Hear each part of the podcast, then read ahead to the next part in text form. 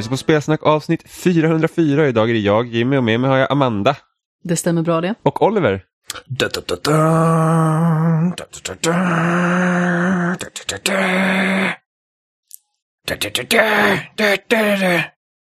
Alltså du får alltid avbryta mig annars fortsätter jag. Nej, men det är alltid lika roligt när det kommer ett nytt Halo för att Oliver blir som ett barn på julafton. Nu vet den där ungen som typ fick ett Nintendo 64 och blev helt galen. Det är ungefär Oliver när Halo kommer. Ja, Jag kommer, aldrig, jag kommer aldrig glömma när vi spelade Halo 5 och du var liksom typ Alltså du var, du var som en liten unge på speed. Ja, men det, Det var det är liksom- få grejer som gör mig så, så giddy som ett nytt Halo. Alltså. Det, du har rätt verkligen. Det, alla andra spel känns eh, liksom... Ja, nej, nej, det, det, det, det är bara Halo. Som Jenny Mm. brukar säga också att eh, det är liksom, hon, hon blir typ änka när Halo släpps. Och eh, hon, brukar kalla, hon brukar också säga att det luktar Halo här inne. För att jag typ spelar när jag duschat på tre egentligen borde dagar. duscha. Precis. William ska ta studenten. Det, är Mm. liksom, det har hänt väldigt mycket helt plötsligt. Men alltså det Så är en att, speciell eh, känsla med när ett spel släpps som man verkligen har väntat på jättelänge eller sett fram emot så otroligt mycket. Mm. Det är liksom svårt att mäta sig med det liksom inom kulturen för att visst man kan vara exalterad för filmer och tv-serier också. Men just spel, alltså det är en sån speciell känsla att få känna på det för första gången liksom. Mm. Jag är så Du- märklig där för att om jag har någonting som jag har sett jättemycket fram emot och sen när jag väl sitter och har livrädd. spelet så är det så här, jaha. Det var liksom så här, då, då, är det liksom, då är jag nästan likgiltig. Ja, men det är för Det att du är död inombords. Ja, precis. Det tar lite tid för mig att komma in i det. Sen när man spelar några timmar och man känner liksom att wow, det här är jättebra, då kan jag vara helt fast. Liksom. Men, men liksom, när man har det initialt, då är det så här bara, ja. Och så är det så här, jag vet inte om jag är riktigt sugen på att starta nu. Liksom. Så, så kan jag känna ibland. Men jag minns att jag var jätteexalterad när Ratchet Clank släpptes. Alltså superexalterad och jag var så himla glad att jag äntligen skulle få spela det. Ja. Alltså Mass Effect också naturligtvis. Men just Ratchet Clank i och med att vi hade byggt upp till det, spelat alla spel i serien ända tills det spelet. Och sedan så har det liksom inte kommit ett nytt spel i den serien på åtta år. Alltså Ja. jag var som ett litet barn, Ja, okay. fylld av glädje. jag jag, jag, jag känner att senast jag såg Jimmy typ så liksom så här childlike som jag blir när jag spelar Halo, det var typ när Battlefield 3 släpptes. Ja, det var jätteroligt. Särskilt inför Battlefield 3, du bara liksom Oliver, och jag drömde i natt att vi, att vi hoppade från Damma Vampyr. Ja, det- är jag- trailer. Ja, jag kommer, alltså den trailern var så sjuk. För att när man liksom ser, för vi, vi hade ju spelat rätt så mycket Bad Company 2. Och sen så när man liksom så här, de sprang där och sen så när de fick hoppa typ och, och veckla ut sin liksom fallskärm, det var bara så här, åh fy fan vad häftigt. Jag sitter här och väntar med bingobrickan på att Jimmy ska säga rush. Mm. Det kommer komma, eh, 100% säker på att vi kommer prata lite om Rush idag. Ehm, jag tror senast jag kände mig så här riktigt, alltså när man spelar ett spel och bara så här, wow det här är liksom ett större spel då. Det var ju liksom Breath of the Wild. För det kändes som att det infriade varenda liksom, allt man älskar med spel när man typ var en meter hög. Det var liksom Breath of the Wild. Mm. För det var liksom så här, och sen just det att du hade switchen och det gick att spela bärbart och man kunde ha med sig överallt. Det var liksom, ja det var häftigt. Man tänker liksom ett, ett spel som jag har sett fram emot. Sen, sen, så har det liksom, sen finns det ju andra spel som jag inte har vetat om skulle vara så bra som, som liksom blåser den av stolen. Typ som så här Outer Wilds eller eh, Hollow Knight. Men det var inte så att jag har inte gått och väntat på Outer Wilds utan det är liksom bara, Nej. åh, det finns på Game Pass, det ska spela. Liksom. Alltså Horizon Zero. Dawn för mig var ju typ en blandning av de båda. För att när jag såg det spelet första gången och man liksom fick se Aloy klättra upp för den här talnäcken. Så kände man ju bara wow, det där måste jag spela. Det ser så himla häftigt ut och jag kommer älska den här världen förmodligen. Och sen så fick jag ju spela det så många veckor i förväg i relation till alla andra. Så det var liksom så här att jag visste ju inte exakt vad jag skulle förvänta mig, men jag var exalterad. Och sedan så kändes det som att man hade en liten hemlighet som ingen annan visste om på något vis. Plus att det var så himla absurt för att jag hade otroligt risigt internet i min lägenhet för att jag delade det. Och då i alla fall så fick jag gå till mina föräldrar som inte heller hade så himla bra internet och ladda ner Horizon där för att det gick inte att ladda ner i mitt hem. Så No. då fick jag helt enkelt gå upp till dem eh, och därefter ladda ner det hos dem och det tog åtta timmar. Jag kommer ihåg att jag var hundvakt åt mamma. Så jag satt och passade hunden och gjorde annat medan jag väntade på att Horizon skulle laddas ner. Och sedan kunde jag gå hem och spela det. Jag har också en sån här sjuk nedladdningshistoria. Eh, Oskar skrev till mig, alltså Oskar Skog som var chefredaktör på Loading förut. Han skrev till mig och frågade om jag ville recensera Master Chief Collection. Och då bodde jag hemma med mobilt bredband Och T-sil. där jag bara kunde ladda ner 50 gig i månaden. Sen så liksom ströps hastigheten typ till 0,5 alltså kilobit per sekund. Jag minns alltså, det var- när man hade mobilt bredband. Det gick Alltså så det- långsamt så det kändes Ja, som ja att men alltså, internet det var ju backade. liksom verkligen så att när internet ströps så var det så att alltså ska jag typ kolla på en JPEG-fil då tar det typ två timmar att titta på den, nästan så. Eh, och jag var så här att jag vill ju inte liksom säga nej, att nej jag kan inte för att jag har rist internet. Så jag ringde till Robin för han bodde i Stockholm då. Han, han har inte bott där så länge tror jag. Eh, och jag bara så hej, får jag komma hem till dig imorgon och låna ditt internet? Men alltså Så- det är så jobbigt när internet inte fungerar riktigt som man vill. Sen så skaffade jag ett eh, eget ordentligt abonnemang. Och då funkade det ju jättebra. Och eh, det gick helt plötsligt jättefort. Helt plötsligt så tog det liksom under en timme att ladda ner ett storspel. Man bara sa, ah, jag behöver inte vänta en arbetsdag på att få ner mitt spel. Eh, Oliver minns ju våra Halo-sessioner när vi skulle köra co-op-kampanj för att någonting i nätkoden gjorde så att hade jag sämre connection så liksom gick alltid, alltså det var inte som att vi typ laggade för varandra utan allt gick i slow motion för mig. Eh, Som sirap. så att vi har typ kört vi har typ kört så här LAS-utmaningar, Halo Reach, där så här, jag är bara din spanpunkt nu Oliver för att jag kan inte göra så mycket. Nej, alltså, Du vill bara vara du, med. Du är inte ens det för att man får inte spana på kompisar när man kör loss. Just det, det fick man inte. Nej, jag var bara med. ja. jag, jag, jag släpades. Eh, Du kunde döda värsta- någon grunt här och där. Ja, det värsta var ju när vi körde Anniversary eh, Edition av Halo 1. För att där gick även siktet i slow motion när man var liksom dåligt internet. Så det, det var ju så att min karaktär påverkades helt. Så det var inte bara det att det tar längre tid att skjuta utan liksom så här, bara röra sig var liksom en pina. Så det var ju jobbigt. Eh, men Amanda, du hade du tänkte ställa en fråga till panelen idag. Ja, det tänkte jag faktiskt göra. För att året börjar ju besynnerligt nog närma sig sitt slut. Alltså det känns som att året just har börjat egentligen.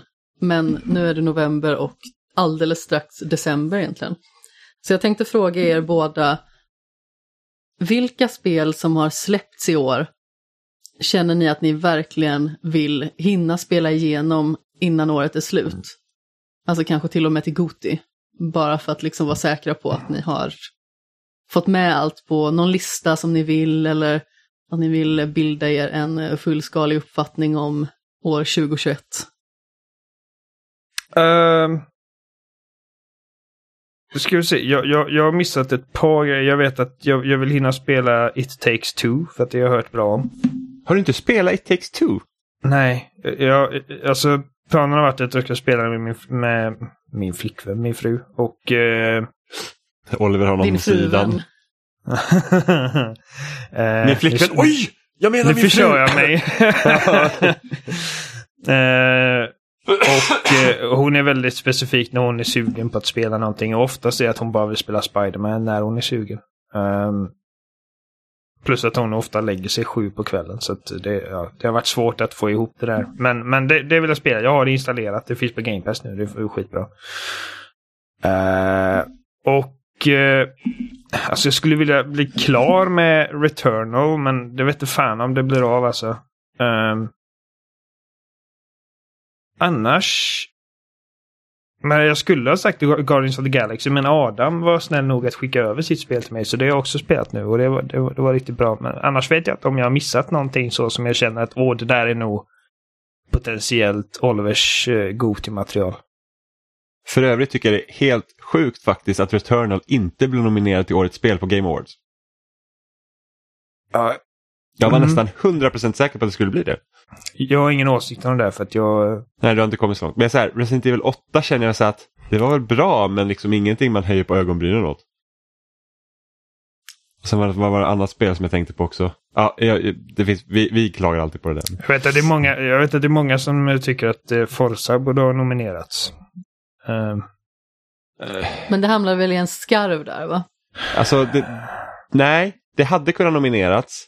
Men jag tror att när, när de behövde skicka in nomineringar så hade inte de haft tillgång till Forza så länge än. Så, Men jag tycker det känns så himla orimligt att man faktiskt har en sån gallring så pass tidigt som november. Liksom. Ja. ja, ja, alltså den här, den liksom, den här det galan finns en och borde en ju halv vara... månad kvar. Ja, liksom, den här galan borde ju liksom vara i januari. Som tidigast. Eller, eller till och med februari liksom. Det, Ja, precis. Nu, nu är det så att vi kör också vårt årets spel innan årsslutet är, men vi är liksom... Jo, men då är det liksom precis på den lilla Ja, slutfjången. men precis. Eh, man missar ju bara och vi är Liksom, inte man- någon officiell liksom, åh, Jo spelpressen då! nominerar. Viktigaste, viktigaste priset i Sverige. Våra åsikter är Precis. lag. Nej, men vi kör ju lite så- alltså, Vi har ju inget att- spelsnacks årets spel, utan vi kör ju bara våra egna grejer. Ja, det är liksom, det här är mitt favoritspel i år. Och eh, Mm. Det är en annan jag- sak. Sen tycker inte jag att For, alltså personligen så tycker inte jag att Forza Horizon 5 heller har, har någonting att göra i, i toppen.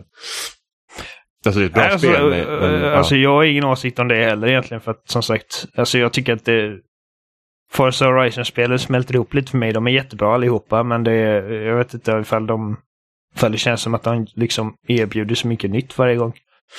Eh, men jag tror att eh, jag tror att det uppmärksammades helt enkelt eftersom att spelet fick så många nior och tior. Och, jag, kom, eh, jag kommer ihåg det var ett jäkla tjafs förra året om Cyberpunk. De bara, men Cyberpunk missar, det är helt orimligt. Och sen så bara, ja. Det, det blir nominerat ska- årets RPG. ja, precis. Vilket också säger att...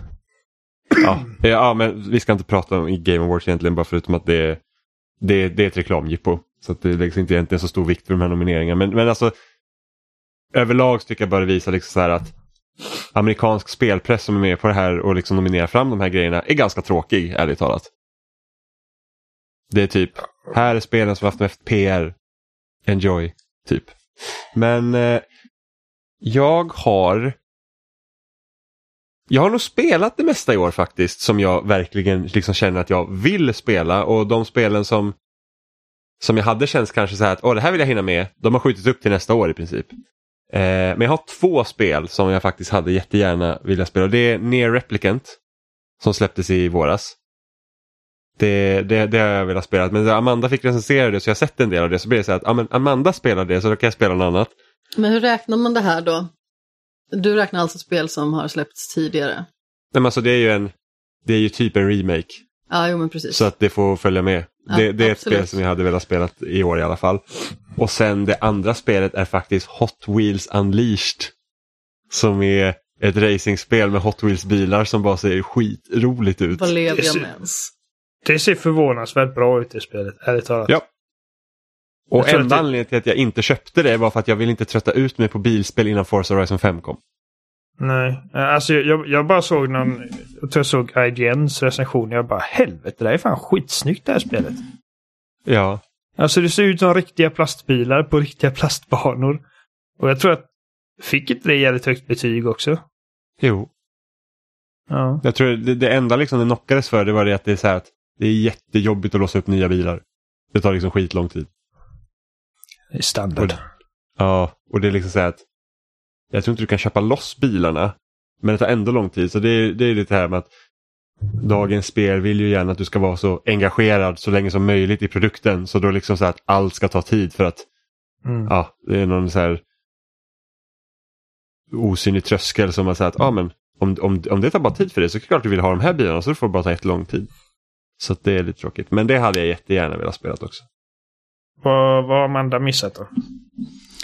Jag har missat och missat. Jag har ju börjat på i alla fall ett av dem och sett en hel del av ett av dem. Eller ja, båda två egentligen. Eh, nej, men framförallt så vill jag bli klar med Sable. För att jag verkligen tror att det, har möjlighet att när jag spelar klart det komma upp på åtminstone min topp fem för i år. Eh, och i och med att vi gör topp fem på loading och eh, topp fem i skämshögen så känns det ändå väldigt väsentligt att få det genomspelat ordentligt och verkligen ge det den chansen som du förtjänar för det är ett oerhört vackert spel. Sen så beställde jag ju Marvels Guardians of the Galaxy i fredags faktiskt. Typ på sekunden vi klev ut från att ha sett Eternals. Så visade Jimmy mig att det fanns en kopia på Retrospelsbutiken för 369 kronor. Så tänkte jag att det är ju nästan halva priset så det kändes som hittat. Så det vill jag verkligen spela för att det ser ut som någonting som i alla fall skulle kunna vara en väldigt rolig upplevelse, även att kanske liksom inte är det bästa spelet som har gjorts i år, så sett. Men sen så vill jag verkligen ta mig an Returnal. Som ändå är från en spelskapare som jag älskar, alltså Housemark. Och jag känner att jag verkligen borde spela det, även att det liksom verkar lite för svårt för min liksom hälsas bästa, eller vad man ska Mm. säga. Men jag vill verkligen spela det. Oh, sen har jag en till också kom jag på. ja, nej men det är ju nämligen så att Death's Door släpps ju äntligen på Playstation om bara någon dag. Eller det kanske till och med redan är ute när det här avsnittet släpps. Ute igår då, jag har för mig att det släpptes 23 på Playstation 5. Så det vill jag jättegärna spela också, ser fantastiskt mysigt ut. Och jag hade ju tänkt att köpa det på Xbox. Men Xboxen vägrade att låta mig betala. Ja, det var lite konstigt. Jag satt och försökte betala säkert 12 gånger. Den vägrade. Xbox länsade. Amandas konto fick inget spel. Nej men alltså det är så himla bisarrt för att nu har jag ändå börjat komma in lite och spela lite mer på Xbox och försökt att men komma in i det ekosystemet lite mer så att jag liksom inte i min hjärna är lika låst framförallt till Playstation. Och så låter den inte mig köpa det jäkla spelet. Jag håller på att få ett bryt. Nej men så de fyra får vi väl säga då. då. Ja, ja Saber lirar väldigt mycket. Inte nominerat till årets Art Direction, vilket jag känner är väldigt märkligt. Vad är det för skit? Ja, lite, lite skit faktiskt. Ja. Så Ja, det var det- min fråga och era svar och mitt svar. Jag känner ändå att personligen så har jag hunnit med med fler spel innan året tar slut nu än vad jag vanligtvis brukar göra. För det brukar bli jävligt bråttom där i december. Så att jag har typ fyra spel jag måste bara hinna kolla igenom. Och nu känner jag så att, ja, men nu känner jag mig rätt så lugn. Liksom. Jag, har, jag har nog spelat det mesta jag vill spela faktiskt. Ja. Men vi ska inte prata om det spelet idag, för jag är inte helt klar med det, för att jag har varit eh, ganska så... eh, Okej. Jag har varit ganska så seg på spelfronten den här veckan, igen. Men jag håller på att spela A Juggler's Tale, och då har jag kommit upp i 50 spelade spel i år. Vilket var mitt mål när det här året inleddes. Jag har spelat 84 spel i år och klarat 64. Det är Det- 14 mer än jag. Ja, det var väldigt hög eh, siffra faktiskt. Ja, det är imponerande.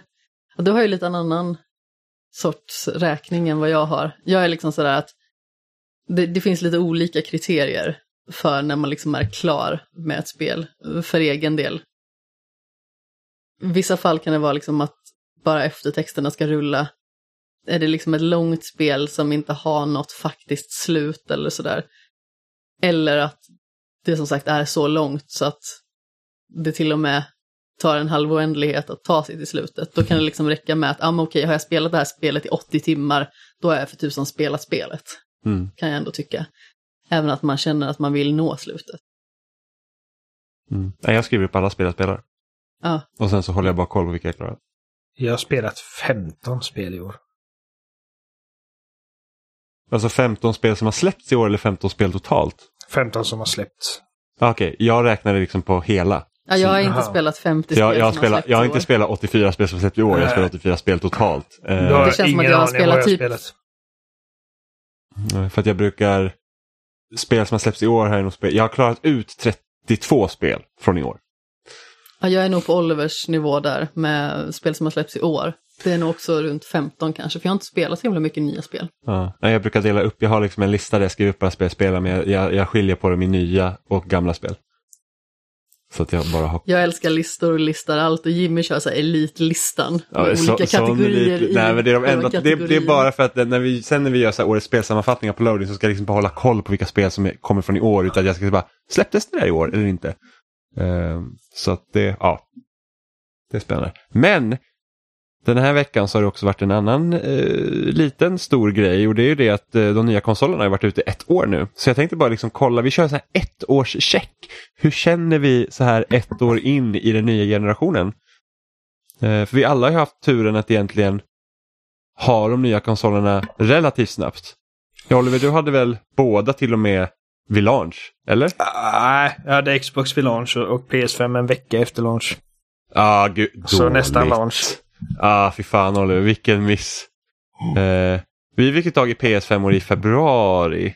Jag fick i slutet av januari och du bara några veckor senare. Ja, just det. Det var helt sjukt. Vi har liksom hört ingenting på aslänge och sen fick vi din PS5 som var Olivers PS5. Visst var det du som hade bokat den va? Mm, för jag hade en bokad på webbhallen. Och Ja, eh, när, när den aldrig kom så lyckades jag få tag på en för Elg- Elgiganten och sen så fick jag i januari bara "Åh, okej nu kan jag hämta din PS5 i. Så då ringde jag er och så, ja. Ja, just det. Och sen fick jag tag i min digitala version som jag hade bokat också några veckor senare. Och sen faktiskt vann vi lotteriet från Elgiganten. Bara regnade Playstation 5 på Ja, oss. och då fick Kajsa den. Ja, just det. Ja just det, och Jeremy fick min första PS5 jag hade bokat som inte jag hade råd att köpa. Just det. Men precis. Så, att, eh, ja, så det var max. Men hur, men hur känner ni? Alltså spelmässigt eller maskinmässigt rent av. Vad är, vad är, liksom, vad är the highlight liksom, som ni känner med de här nya maskinerna? Jag känner att övergången till Playstation 5 från Playstation 4 har varit oerhört smidig. Alltså det är så himla skönt att man kan spela gamla spel på den också. Och jag har ju dessutom testat Playstation Now som har funkat bra och nu har jag inte spelat det så himla mycket och borde egentligen säga upp det så det inte bara tickar på.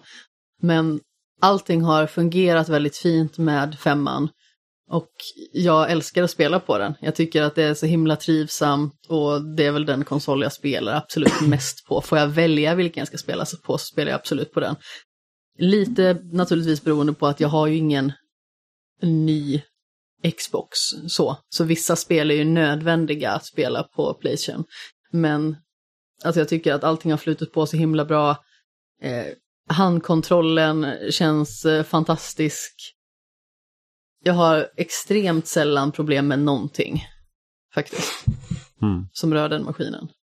Smidigt känns som ett nyckelord för om man, liksom, om man känner att PS5, eller från PS4 till PS5 var smidigt så var ju Xbox One till Xbox Series X ännu smidigare. Där, liksom, där behövde du inte ens transfera dina filer eller någonting. Det är bara, allting bara finns där. Eh, Ja. Nackdelen med det är att eh, Xbox Series X, liksom, det känns som att Alltså, det känns lite som en ny maskin. Det är liksom, man kopplar in den och allting ser exakt ut som det gjorde på din gamla. Vilket gör liksom, det tar bort lite av den här åh, ny, ny hårdvara-känslan som PS5 man ger. eh, Bara genom att det ser annorlunda ut. Eh, Ja, ja, det, var lite, det var nästan som när man uppgraderade till One X. Det var Precis. ju så här att, ah, nu är den bara starkare liksom, nice. Precis. Eh, och det, och liksom, och ja, de hade ju kunnat ändra hela dashboarden och allting på Series X och fortfarande ha samma funktionalitet. Det hade inte liksom varit omöjligt. Nej. Men de kände väl att varför? Liksom. Ja, men Eh, precis. Alltså för att eh, de har ju sina UI-designers och grejer och liksom det arbetet som de hade på Xbox One var ju deras as- bästa arbete fram till den punkten. Så varför liksom försöka... Ja, sen så- Och det går liksom igen i Windows 10 och liksom så de har samma samma interface-språk liksom genom flera olika former. Så att Mm. antar det är därför. Jag tror att den här generationen har varit liksom, det, det har aldrig varit en generation som känts mindre som en Next Gen eh, generation än tidigare. Eh, var, den mening, var den meningen logisk överhuvudtaget? Förstår ni vad jag Ja. menar? Ja, det, det är liksom det känns, alltså det är den minst spännande nya generationen för att det känns Mm. inte så nytt som det har gjort tidigare. Precis, för att mycket av det är liksom att okej, allting är precis som du minns det, men lite snabbare. Och i Ja. vissa fall mycket snabbare. Alltså om man kollar typ på laddningstider och sånt så har det ju liksom blivit en grej. Och jag vet att om det är någonting som har förändrats med mig och hur jag konsumerar de här grejerna. Att, alltså det där har gjort att, eh, eller den här generationen snarare har gjort att jag, jag har svårt att köra grejer som inte är 60 FPS. Vilket jag inte trodde för att liksom, alltså, jag har alltid varit, alltså, som konsolspelare som har varit väldigt van liksom vid att 30 är någon form av standard. Men nu finns det liksom performance modes och grejer på allting. Och eh, Ja, nej, liksom när, när, när, man hoppar in i någonting som är 30 så är det bara usch. Där, ja. Och så Kör du Forza Horizon 5 i 60? Ja, det gör ja. Jag gjorde inte det för jag har alltid kört Forza Horizon i 30. Och jag kommer ihåg att fyran var så himla mycket snyggare om man körde Quality Mode. Så att jag har inte bytt till Performance Mode på Forza Horizon 5. Nej, alltså man får, ju, man får ju en del häftiga effekter och grejer men jag känner bara, alltså jag, jag, jag testar lite av både och. Ja. Och det ska sägas att uh, Forza, Forza Horizon har generellt liksom typ de bästa 30 FPS-lägena i världen för det känns fortfarande väldigt smooth. Och, ja. Men, men, sen när man liksom byter till 60 så bara, alltså jag, jag bara är, är en bättre förare när jag kör 60. Ja men uh, såklart, alltså det blir ju varenda liksom varenda manöver du gör är ju ja. mer responsiv i 60 än 30, så är det ju bara. Så även så om jag att, eh, uppskattar alla de här liksom the bells and whistles med, med liksom typ raytracing eller vad det nu är. Eh, så är det liksom att jag, jag har svårt att jag har svårt att släppa det där att hur mycket bättre hade det gått för mig nu om jag körde i 60 och så byter jag över till 60. Ja. Um, det är väl det som har typ förändrats med mig antar jag med min hjärna. mm. Ja men det är, faktiskt, det är faktiskt väldigt skönt att det är mycket som går i 60. Eh, sen känner jag väl överlag så här spelmässigt så känner jag liksom att första halvåret har ju varit liksom så nyss med Playstation 5. De hade ju så himla stark liksom start med så här Demon Soul, Sackboy, även eh, Astrobot, kommer Eternal, Ratchet Clank. Så de har liksom varit i ropet hela tiden. Och sen mm. andra halvan nu så känner jag att det är mer i Microsofts hörna. Med Halo, Forza, Psychonauts. Ja, det andra, eller det enda egentligen som eh, är mer mm. åt Playstation-hållet så här mot höstkanten, det var väl Deathloop. Ja men precis, Deathloop kom ju och det är ju liksom mm. Framöver kommer det också bli Xbox. Jo, och Deathloop eh. blev liksom, det blev en stor snackis hos pressen för att alla älskar det. Medan spelarna, liksom, alltså varenda kommentar på de här recensionerna bara va 10 av 10, ni är höga, har ni blivit betalda? Det här ser inte alls så jävla spännande ut. Men alltså, jag kan se att man älskar det, men samtidigt så jag känner nog inte att jag har lika stor lust eller ett lika stort sug att spela det som Returnal till exempel. Nej, nej, nej, men, men det, det, är, det är en smaksak. Men, men jag tror att liksom många som inte har spelat det eh, tittar på det och tycker att ja, men det här ser inte ut som någonting speciellt. Mm. Eh, jag vet att liksom varje gång det visades på en sån här State of Play eller någonting så kommentarsfältet var bara oh, next! Varenda ja. gång. Så att eh, jag tror att det, det spelet eh, har nog inte blivit liksom en så här jätte, jättegrej för jättemånga spelare.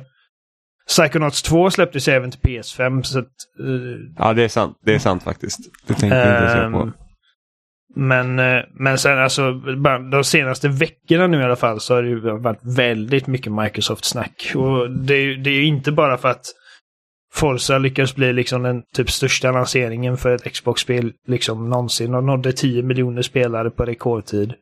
Uh, Halo Infinite eh, uh, beta nu som släpptes i måndags uh, har ju också slagit rekord. Um, och uh, sen också bara för att Phil Spencer liksom typ uh, spottar ur sig liksom coola påståenden om allt möjligt liksom fram och tillbaka. Så att, han snackar om hur viktigt det är att bevara typ spelhistoria med emulatorer. Han, snack, han snackar ut mot Activision och han pratar om liksom negativt om NFTs. Så att jag tror att det är liksom, just Microsoft just nu är liksom on a roll. Och jag tror också att det, det smittar av sig i hur pressen hanterar deras spel också.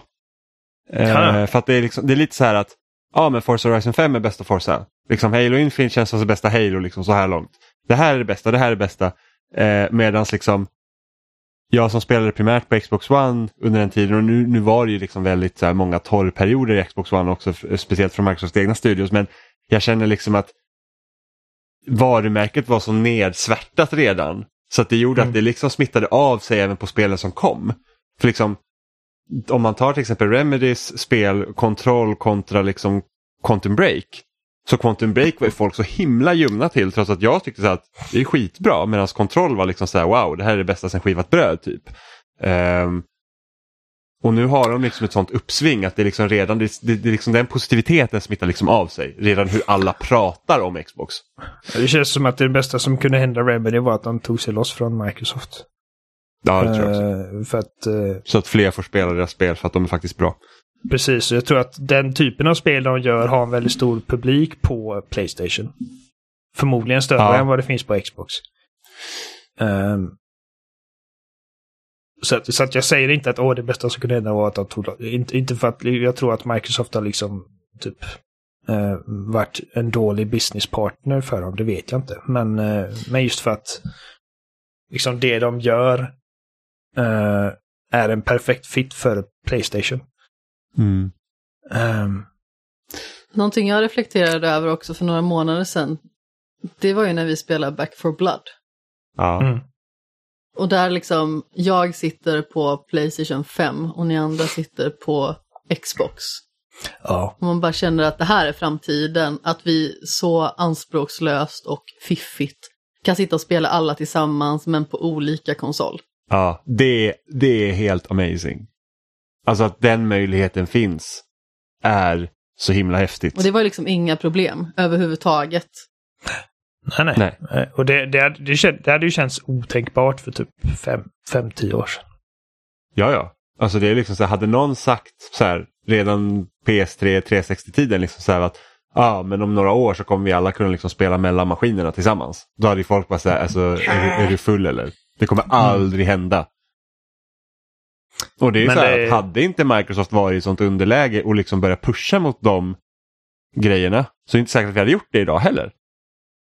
Nej. Nej, precis. Hade de inte liksom skit i det blå skåpet med Xbox One så kanske vi fortfarande suttit här liksom att Amanda hade liksom fått Back for Blood till Playstation och sen så hade vi sagt att ah, men, då får vi också köra på kanske Playstation och Nej, så att vi alla kan spela tillsammans. Fått? Jag hade fått Back for Blood till Xbox One. Ja, precis. Yes. Ja, roligt. men liksom, då hade det blivit så här, ja men vilken, vilken, vilken, vilken plattform ska vi köpa det här spelet på nu? Liksom? Liksom när vi spelade Ascent, jag kommer att springa runt och jaga zombies i mörkret, så ja, bara konturer. Ja, det med det, alltså, det är så jäkla tråkigt när vi börjar spela Ascent och liksom Amandas Xbox orkar liksom inte rendera upp spelet. Det är så här typ, ja, här är din karaktär i en helt tom miljö som kommer in typ tio minuter senare. Det var som att stå i eh, bara rymden. Ja. Utan stjärnor och planeter, utan det är liksom bara luft. Ja. Vilket spel, eller vilken spelupplevelse har varit den som ni har tyckt mest om liksom, eh, på den nya konsolen som liksom du enbart kan spela då på den nya maskinen. Inte, inte liksom så cross-gen utan det är så här, det här spelet finns till PS5. Ja, vi får ju, vi får ju liksom tumma lite på Xbox då för allt finns ju på PC där. men liksom så här, eh, men oh, det här har jag spelat på min PS5 och det var liksom så himla häftigt för att det kändes liksom Next Gen. Eller det här har jag spelat på min Xbox och det kändes Next Gen. Liksom. Det här var wow. Liksom. Är, är, har ni haft någon sån upplevelse? Inte jättestarkt. Ja, alltså, om vi säger Ratchet Clank då naturligtvis. Jag älskar att spela det. Alltså visst, det kanske inte visade lika mycket som man hade trott hur den liksom nya generationen skulle vara. Men jag får väl ändå lite grann då kanske säga Astrobot. För att den liksom visade så himla väl hur spel liksom kan kännas rent fysiskt sett. Så här, så här låter det och känns det när den här lilla figuren struttar omkring på metall. Mm. Lite som när man spelar Wii Sports första gången. häftigt. Eh, men alltså om vi tar liksom ett, ett rent faktiskt storspel, så, eller spel, ett spel eh, som, som verkligen är gjort för den nya generationen, så eh, Ratchet Clank måste jag väl ändå säga då. Mm. Oliver, har du någon? Jag har nog inte kommit dit än, tror jag. Nej. Uh, inte för att jag inte älskar Ratchet Clank, för det gjorde jag. Uh, och... Men alltså, Spiderman Miles Morales var liksom jättetrevligt. Uh, ja, jag spelade det på fyran. Ja, men jag känner att även om man spelar det på fyran får man ungefär Originalfyran dessutom. Nästan ja. samma ja. Ja. Alltså, jag, jag hoppade in i när, när vi skaffade PS5 så hoppade jag också in i Miles Morales på PS5 och var så här att Alltså det är, inte, det är inte tillräckligt stor skillnad för att jag känner att jag missar någonting som spelar på PS4. När vi båda hoppade in för att få varsin Platinum. Ja, precis. Det också. Ehm, Som man gör. Men Ratchet, Ratchet Clank eh, alltså, hade kunnat eh, göra mer med, med SSD. Liksom att liksom bara...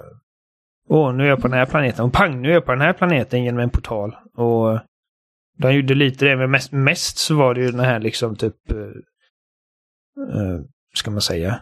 Men det var ju typ som de hade gjort liksom i A Crack in Time fast utan laddningstider. Ja, men det, det kändes mestadels så användes den liksom för att typ entraka sig från en del av en arena till en annan. Mm. Ja, alltså teleportera sig kortare sträckor.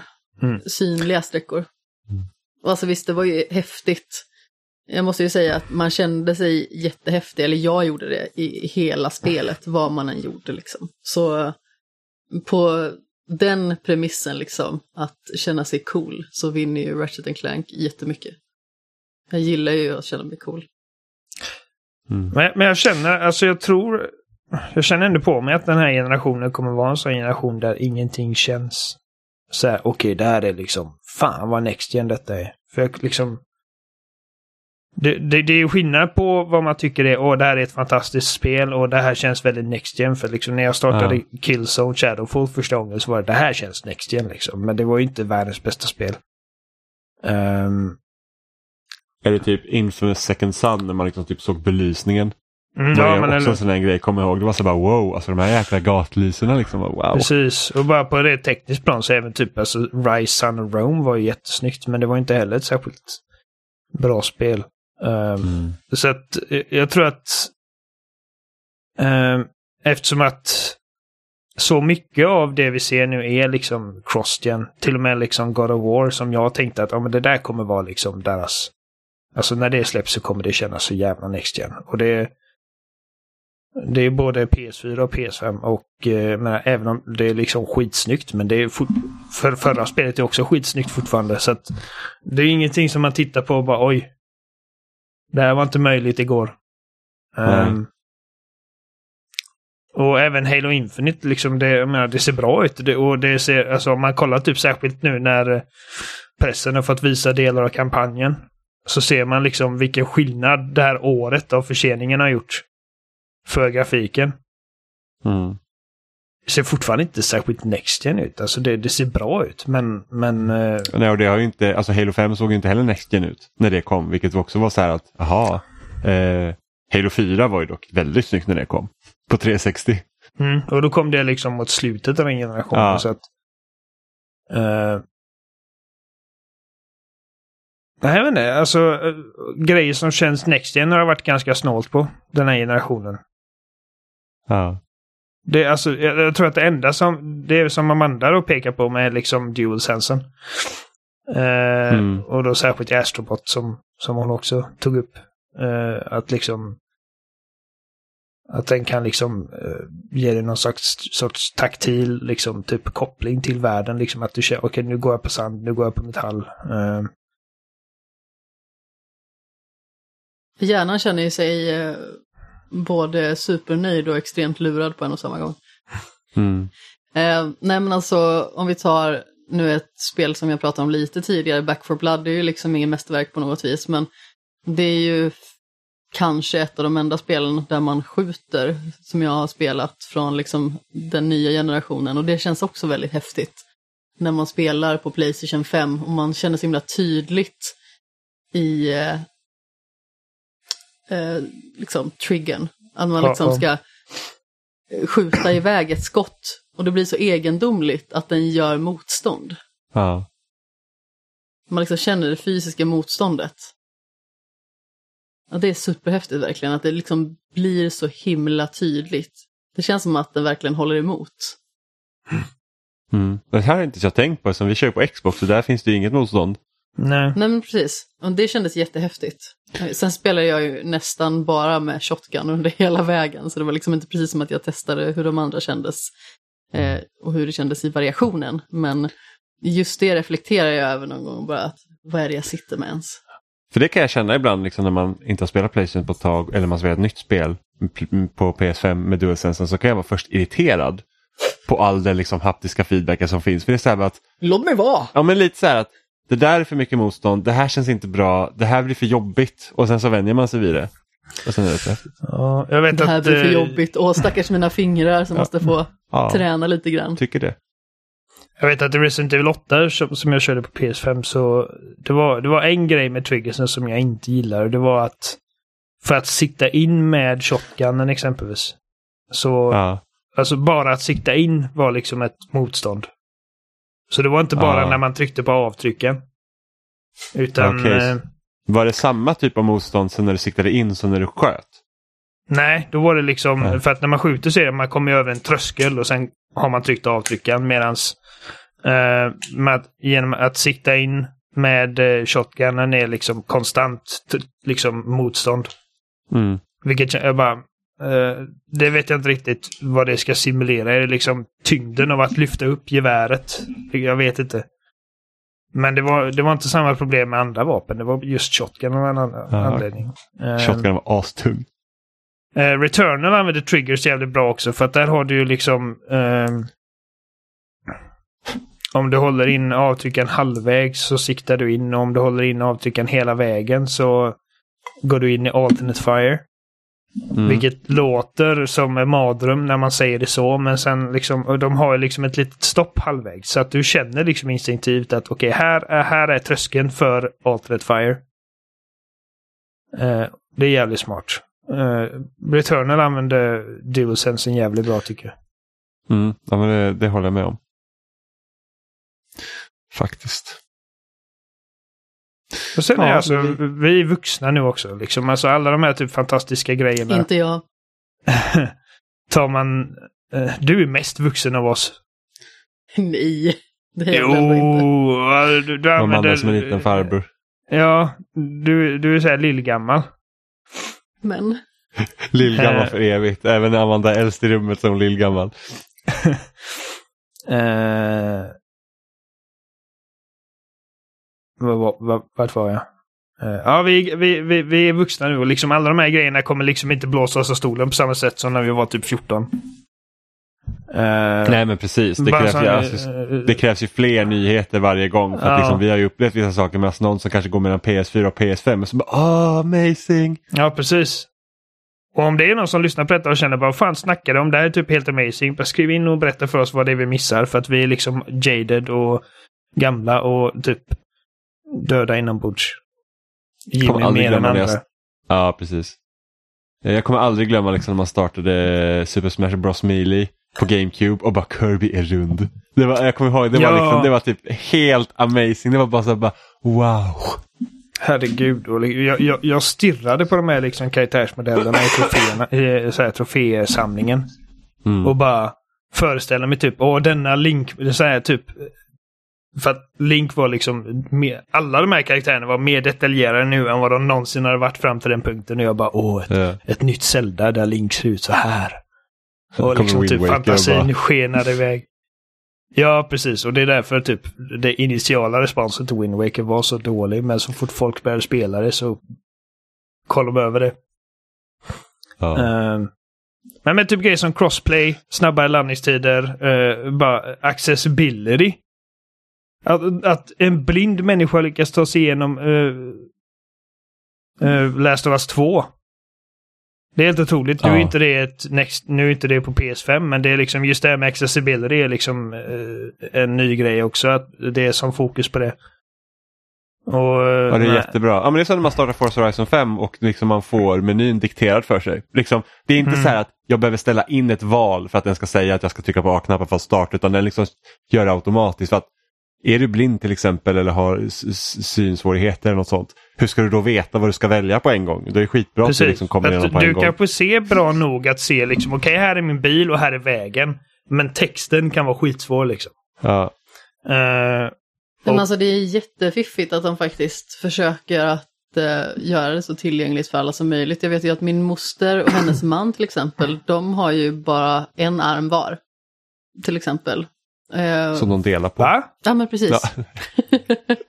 de har den varannan vecka. Eh, nej men... Eh, De har, både din moster och hennes man. Båda har alltså bara en arm. Hur gick det till?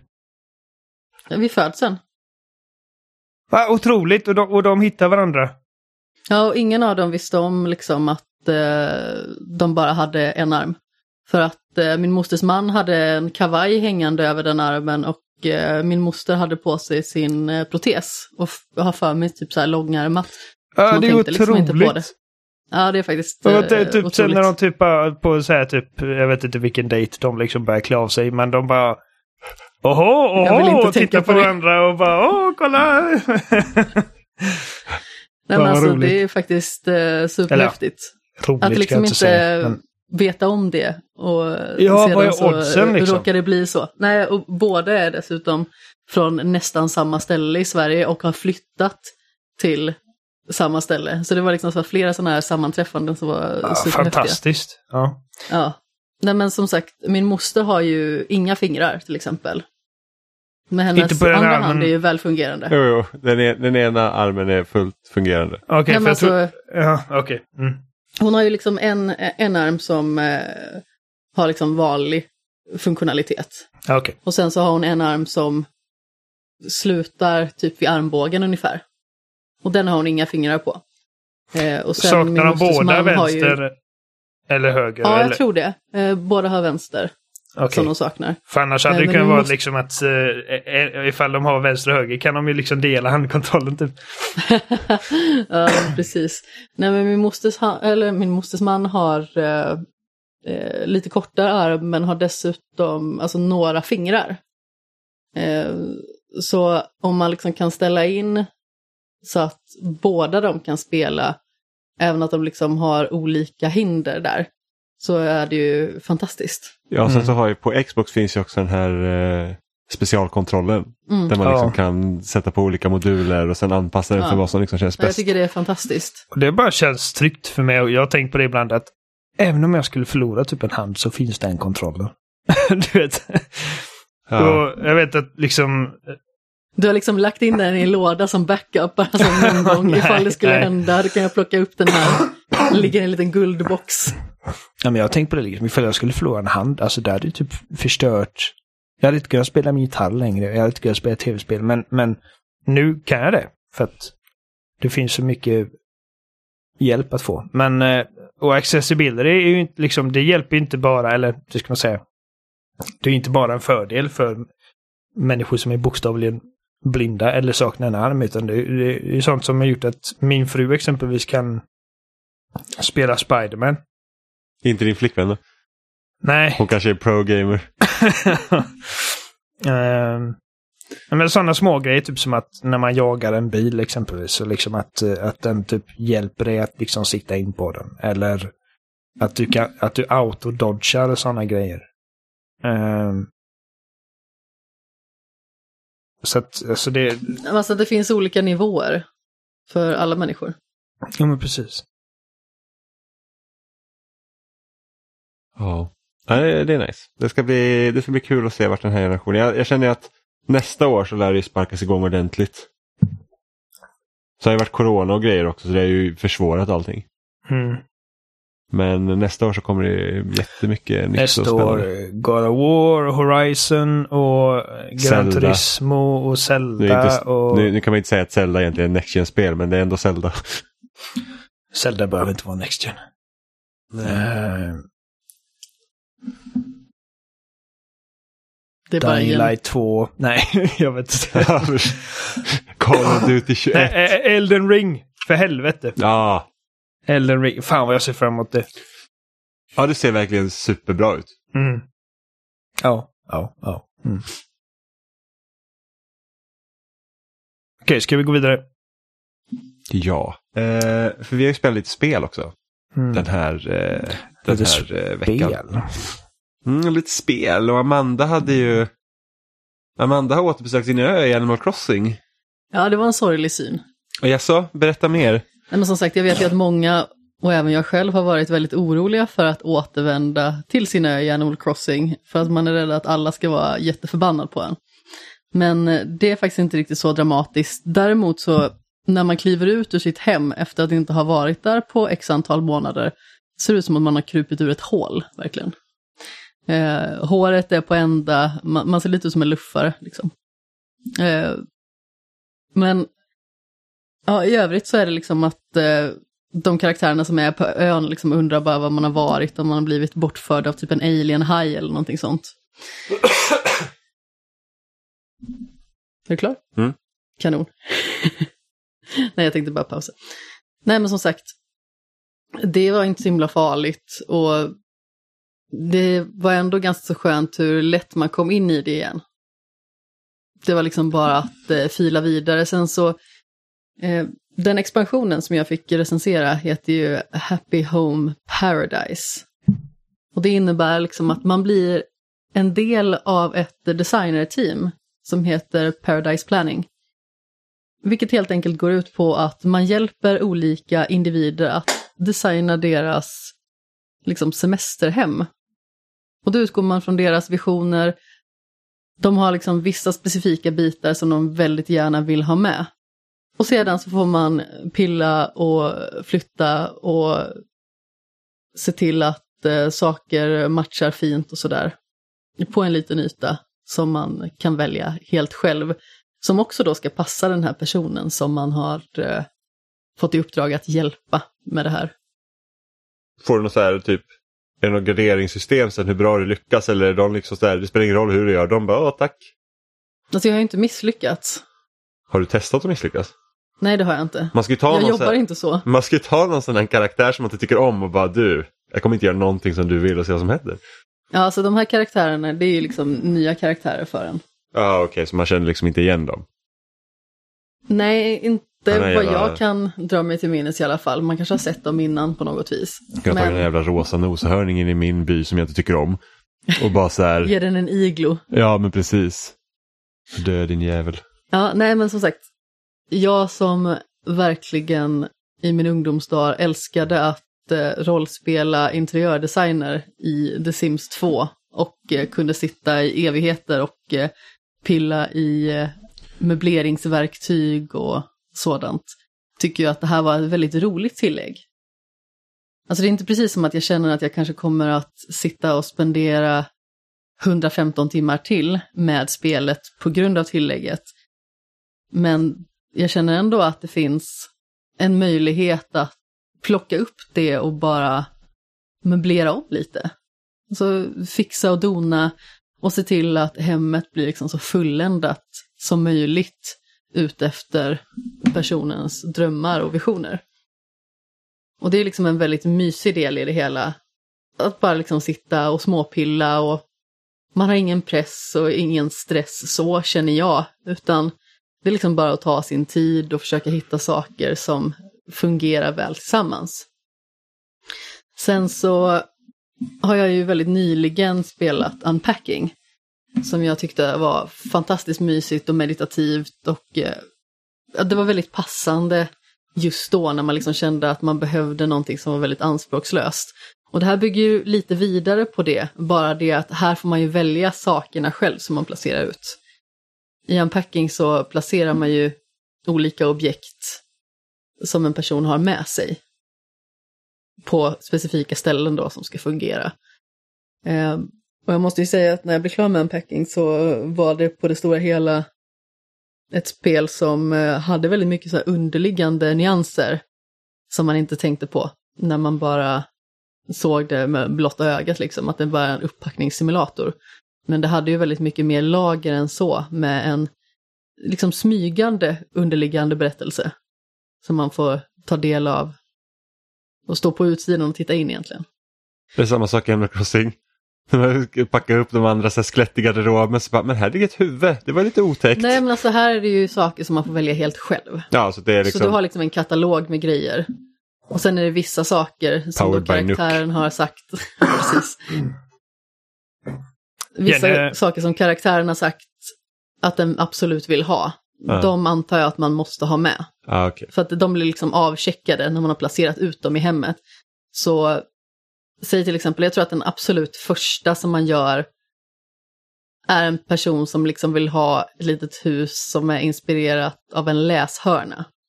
Så då har jag för mig att man får om det är en gungstol och så kanske en bokhylla och en trave böcker. Alltså nu kommer jag inte ihåg exakt hur det var, men det var någonting i den stilen. Och då börjar man Eh. med de grejerna och hittar bra ställen till dem och sedan så fyller man på med saker som liksom matchar själva stämningen. Det kan ju vara att ett hem kanske ska vara lite mer retroflörtande eller dylikt. Och då försöker man ställa sig in på det. Så att även att man har liksom egna åsikter om vad man själv tycker om och ser snyggt ut, så måste man ju fortfarande utgå ifrån den personen och vad den har för preferenser. Och det gillar jag också, att man måste utgå från en liksom viss stil eller ett visst tankesätt. Man kan liksom inte bara utgå ifrån sig själv. Mm. Så man måste hela tiden ge och ta. Mm. Har du någon fråga Oliver? Eh, nej. Ja, okej.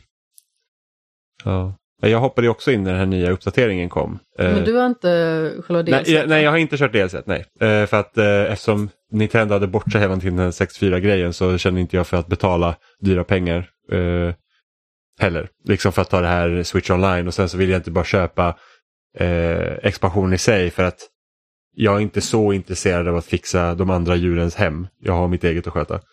Ja, nej, men exakt, det kan jag förstå. Sen så gillar jag ju de här små projekten. Jag gillar ju att kunna bocka av saker, att du har liksom ett projekt som du ska bli klart med. De här sakerna behöver projektet innehålla. Ja, Kör igång. precis. Och sedan så är det bara att stänga den boken och gå vidare. Ja. Så det uppskattar jag väldigt mycket och det finns liksom en väldigt meditativ känsla i det här också. Sen så i vanlig ordning så i Animal Crossing så står de och pratar så himla länge och mycket och ibland så kan man ju bli så himla trött på det. Men det är liksom just själva möblerandet och eh, designbiten i spelet som, eh, som ger någonting, tycker jag. För det var ju så roligt för att när jag startade spelet, så att jag är väldigt social i mina, jag pratar ju ofta med mina grannar. Eh, och det var så att, ah, men, oj gud, det- vi har inte sett dig på ett år och fyra månader. Och jag bara, men det var kul att man liksom fick veta ungefär hur länge man varit borta. Och så, så när Amanda startade spelet och bara så här, åh, jag vill också veta hur länge jag varit borta, ingen vill säga det till mig. Så bara, nej men du har väl inte pratat med någon granne under din tid på ön, så det är inte så konstigt, det är ingen som vet vem du är. Jag gillar inte folk. Eh, men jag tänkte så att eftersom inte jag har spelat någon ny uppdatering egentligen som har kommit under tiden som spelet har varit ute. Så tänkte jag det kommer finnas massa nytt jag kan göra. Och det var inte så mycket nytt man liksom bara kunde kasta sig in i. Men de har ju öppnat liksom det här nya kaféet i museet och då måste man hitta han Brewster som håller i det. Och så blir det någon bugg för mig. Så att liksom den liksom questlinen startade inte. Eh, och då ska man liksom åka till någon öde ö med den här båten så måste man lyssna på den här liksom, kaptenen han sjunger och sen så fick jag ändå inte möta Brewster på den här ön. Så det var ju liksom, här- och jag vill inte åka fram och tillbaka hela tiden och göra om det för att då måste man höra den här sången igen. Animal Crossing, allt tar ju liksom tid där. Eh, så att jag men har liksom inte gjort så mycket. Inklusive konversationerna, som sagt. Nej, jag riktade inte så mycket fokus på själva uppdateringen i sig, utan det Nej, var ju utan liksom expansion. själva expansionen. Mm. Men jag vet ju att det var liksom en del så här livskvalitetmässiga uppdateringar som gjordes och lite tillägg på olika fronter. Så. Ja, ja men precis. Det jag tycker är mest synd med liksom uppdateringen till Animal Crossing det är liksom det att först ön är ju rätt så liten i sig själv så jag hade gärna haft att den skulle liksom egentligen vara lite större. Men liksom där nya byggnader, att liksom affären ska få en till uppgradering och något sånt hade jag gärna velat se och det, det är liksom inte kommit så det tycker jag är lite så här missad potential i hela Animal Crossing-grejen. Mina öbor måste ju hata mig. De bara, åh, var har du varit? Varit borta så länge. Jag bara, hej då, nu ska jag göra det här. Ja, Så flydde jag iväg. Det är liksom på ett helt annat ställe. ja men precis. Det här är det är typ Paradise som när man åker den här fotoön eller så. Ja, men alltså, det blir ju som ett litet eh, område i sig. Ja. Ett eget område med egen valuta och sådana saker. Och Jaha. sen så får man liksom en karta då som man eh, kan välja var personen ska flytta in för någonstans. Så det kan ju vara att personen eh, hintar om någonting som eh, då kanske vittnar om att den här personen skulle passa bra på just det här stället. Och så finns det liksom olika klimat och eh, olika växtlighet och sånt. Får, får du någonting för att göra de här grejerna? Får du liksom nuckmiles så du kan använda liksom på din ö? Eller får du liksom nya föremål eller något sånt? Eller är, det bara liksom, är den helt liksom separerad från allt annat? Ja, alltså det är ju ny valuta du får. För att du jobbar, så det är liksom som din lön. Ah, Okej, och vad kan du göra med den? Men man kan väl köpa lite saker Ah. Okej, nya, nya recept och nya... Ja, Nya prylar tror jag att det är framförallt. Ah, okej. Det har jag inte utforskat så himla mycket, Ja, utan jag har ju mer suttit och pillat ut möbler som jag gör, Ja, precis ja. som i verkliga livet. Ja, men det ja, spännande. Eh. Oliver, du har spelat lite GTA. För nya version. Jag vet ni pratade om det lite förra veckan. Mm, spelat lite. Jag har, klarat eh, GTA 3 och Vice City nu. På Definitive Edition. Ja, Hur? Nej, jag rusar. Jesus Christ, det tycker jag inte tagit så lång tid. Mm, alltså, GTA 3 gick ja, ganska snabbt ska jag inte säga för att det spelet är nästan omöjligt svårt på vissa ställen. Eh, Men då körde du utan fusk va? Ja, Mm. uh, Vice City är betydligt lättare. Eh, och nu är jag inne på San Andreas och håller på att ta över en massa hoods. Ja. Hur, hur, känner, hur känner du nu? nu liksom då, då har du spelat rätt så mycket. Hur känner du för de här versionerna? Alltså, det, det, det jag sa förra veckan står i princip fast att även med de här tekniska problemen som, som den här samlingen har haft så är det fortfarande de här versionerna som jag väljer att spela framför de andra för att de har sådana här quality of life grejer. Som att eh, Mm. när du dör på ett uppdrag kan du bara liksom starta om direkt istället för att vakna upp på sjukhuset, åka och plocka på dig alla dina vapen igen och sen åka till den här och sen åka va. Eh, Ja. Att GP, de fungerande GPS, har vapenhjulet och liksom alla sådana här grejer. Ja. Ehm, nu har de faktiskt, eh, jag vet att GTA, eller Rockstar släppte, eh, släppte ut ett, ett pressmeddelande. Mm. Unexpected technical difficulty. Som man var så här. Ja, det var ett ordval. Ja. ehm, men då, alltså, de har i alla fall sagt att liksom, vi lovar att vi ska liksom få det här till en kvalitetsnivå som de förtjänar, vilket jag inte var helt säker på att det skulle hända eftersom att man vet aldrig hur mycket resurser som läggs på gamla spel. Nej, men liksom. Samtidigt är det så otroligt, alltså det, jag måste säga att det är helt oacceptabelt att liksom du har studion som sitter alltså med ett av de liksom mest värdefulla serierna inom industrin, drar in så pass mycket pengar och sen inte nog med att de tar bort de gamla spelen som funkar bättre, så, liksom, så släpper de det i helt ofärdigt skick. Nej, det, det, är, det är ingen good look om man säger så. Nej, fan, det, det, är, det är ganska fruktansvärt faktiskt. Eh, Men de har ju back, eh, liksom, de har ju backat på det så att de gamla versionerna finns nu tillgängliga. Ehm, På Rockstar, I Rockstar-launchen, inte på Steam. Eller Okej, på ja. konsolerna. Ja, men de finns i alla Ja, fall. det är faktiskt riktigt risigt. För att jag ser liksom inte varför måste de plocka bort de gamla versionerna när, de, när det Definitive Edition kommer. Det är inte som att det känns ju som att de versionerna liksom får ju då sälja sig själva om folk hellre vill köpa det nya så det ser liksom lite bättre ut än att köra de gamla. Då. Jo, man tycker det. Mm. Eh, de har släppt den första uppdateringen, vilket som jag förstår det ska, ska ha fixat de liksom värsta problemen. Eh, typ som regnet som gör att det är omöjligt att se någonting. Ja. Hål i marken och, och sådana grejer. Var det inte någonting om att det var vissa objekt som typ hade fel namn och sådana saker? Ja, men det är typ lite så här typ de misstänker ibland att vissa översättningar är typ AI-översättningar för att det liksom så här typ, alltså vissa restauranger och sånt hade liksom fel namn.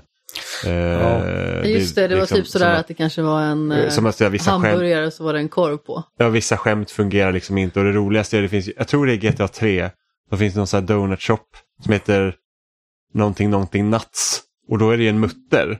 Men då har ju liksom när de har gjort om den så är ju muttern också rund.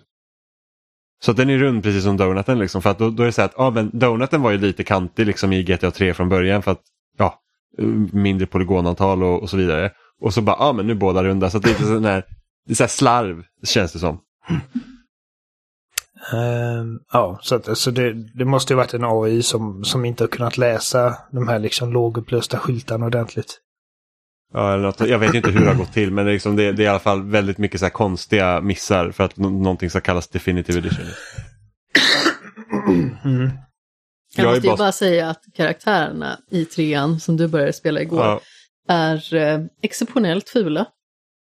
Alltså nu har inte jag sett originalet på hur länge som helst. Och det är mycket möjligt att de liksom såg så här märkliga ut då. Alltså jag menar det är ju ändå hur många år sedan som helst som det släpptes. Ja. Men det ser alltså 20. ut som att någon har satt sig på deras ansikten och fisit. Alltså, jag, har faktiskt, jag har faktiskt ingenting emot hur karaktärerna ser ut. De ser så himla muppiga ut. Alltså jag kan inte ta dem på allvar. Nej men alltså de ser muppiga ut i vanliga fall också. Men jag, jag, tycker, jag, tycker de, jag tycker det är lite charmigt faktiskt hur de ser ut i GTA 3. Alltså, de, de ser muppiga ut, men de såg muppiga ut också. Och det är 20 år gammalt. Det är liksom... ehm, ja, det Jo, bara men jag tänker det att ska man göra en ny utgåva då kan man väl piffa upp dem lite i alla fall. Alltså jag hade inte haft något emot om de liksom hade gjort en större remake, typ. Eller, eller liksom inte större så att liksom att ja men nu ska Liberty City i det här ska vara större än Liberty City GTA 4. Men liksom så att den hade kunnat få se lite modernare ut. Dock måste jag säga att vägarna i GTA 3 när det inte regnar, då ser det så här att ja, men det ser lite billigt ut. Sen när det kommer regn på så de blir blöta, då bara wow, det är skitsnyggt liksom. Det är jättemärkligt. Men det känns som att många grejer är så här minimal ansträngning. De bara så, åh, vi kan eh, tjäna ännu mer pengar så att våra pengar också kan få pengar. Ja. Nej, jag, jag, jag vet liksom inte riktigt vad liksom tanken har varit, hur de, liksom, hur de har valt att uppgradera karaktärsmodellerna och så. Men, men som sagt, jag, jag, jag, jag stämmer faktiskt inte på hur de ser ut. Jag tycker, jag tycker det är lite charmigt. De är yxfula verkligen. Ja. Vilket, alltså- alltså, nej, vad ska du säga Oliver? Jag vill bara säga, alltså jag, jag... Förutom regnet så har inte jag haft några större problem med de här spelen. Nej. Eh, jag vet att liksom, jag har sett vissa videos liksom på helt galna grejer. Eh, men min upplevelse har varit ganska som förväntat. Ja. Så att, Kör du i 60 FPS? Ja, För att jag har hört att i San Andreas till exempel om du ska typ gå ut och simma och någonting så, så allt är liksom uppspeedat så att du, liksom, du tar typ mer skada, du förlorar luft snabbare men tiden går liksom inte snabbare. Så att det liksom gör att vissa saker är typ omöjliga jaha. i det Mm. läget. Jag vet inte om det stämmer på konsolversionen, jag vet i alla fall på PC-versionen. Det var så här att vi kör i 60 FPS, det funkar inte för att spelet är trasigt. De tar typ dubbelskada, de har eh, liksom, de kan, de kan hålla andan liksom ha- halva tiden mot vad man egentligen ska kunna göra. Så det har varit lite konstigt. Så jag har inte vågat liksom ställa upp FPSen utan jag kör på quality mode. Mm.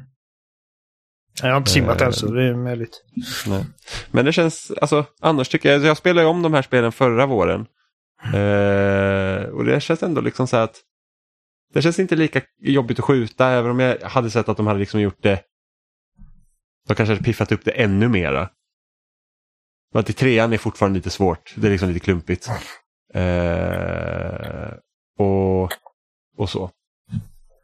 För det är inte GTA 5 liksom Nej, nivå på nej. skjutandet. Liksom. Det, det är inte ens i närheten. Eh, så det hade jag önskat att det var, kändes bättre.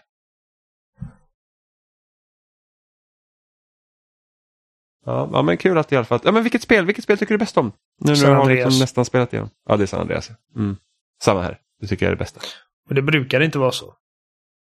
Nej, vilket tyckte du var För, bäst? äh, jag, Vice City eller trean. Men, men, men San Andreas var liksom det svarta fåret för mig för att jag kände när det kom att eh, det var liksom för out there, liksom med jetpacks och grejer. Och jag, och jag var fortfarande väldigt bara, "Mm, nej, nej, mm, jag vill ha seriösa grejer. Eh, men det är jag inte längre. Så eh, San Andreas har liksom största liksom lekfullheten i serien. Eh, eller i den här serien, trilogin. Mm. Och jag trivs jävligt bra i den världen. Mm. För att Vice City och, och Liberty City, liksom, de, det har hänt en del med Open World sedan dess. De är inte riktigt lika Ja. liksom, inlevelsefulla som de en gång var. Men San Andreas trivs jag Nej. fortfarande i. Och eh, jag tycker om CJ väldigt mycket. Ja. Ja, nej, men det, det är faktiskt liksom, även om Säg att GTA 5-kartan är större än hela San Andreas-kartan men just det att det finns olika miljöombyten där gör väldigt mycket. Och det känns som att det liksom rör sig organiskt ganska mycket genom den världen, liksom olika storybeats och så. Så att det, det är nice. Och det, är liksom, det, det har liksom ganska mycket bättre variation än de andra två spelarna också. Ja, gud ja. Det har bättre variation än något annat GTA. Skulle jag säga. Ja, alltså det är antingen det Möjligtvis eller att femman är Mm. liksom, ja precis. Men, men liksom gå från San Andreas till fyra var ju verkligen... Uh. Det var svårt. För att fyran är verkligen mycket med så här, kör hit, kör hit, kör hit och kör hit. Nej, men jag har Ja, trevligt men- med San Andreas. Det är min så här go-to när jag inte spelar Halo just nu. Ja. Och apropå Halo, vi har ju spelat Halo. Det har vi. Ja, massa. Alltså det, det blir liksom st- stealth-releasat där på 20-årsdagen, liksom, vilket var lite kul. Eh, Mm. Och vilket var många var så här att, ah, men kommer de verkligen släppa Halo Infinite med tanke på att de har liksom marknid med Battlefield och Battlefield släpps på fredagen samma vecka. Men de släppte den då. Eller i beta då. Mm, ja, så, ja, precis. Så det, det är beta fram till den riktiga releasen den 8.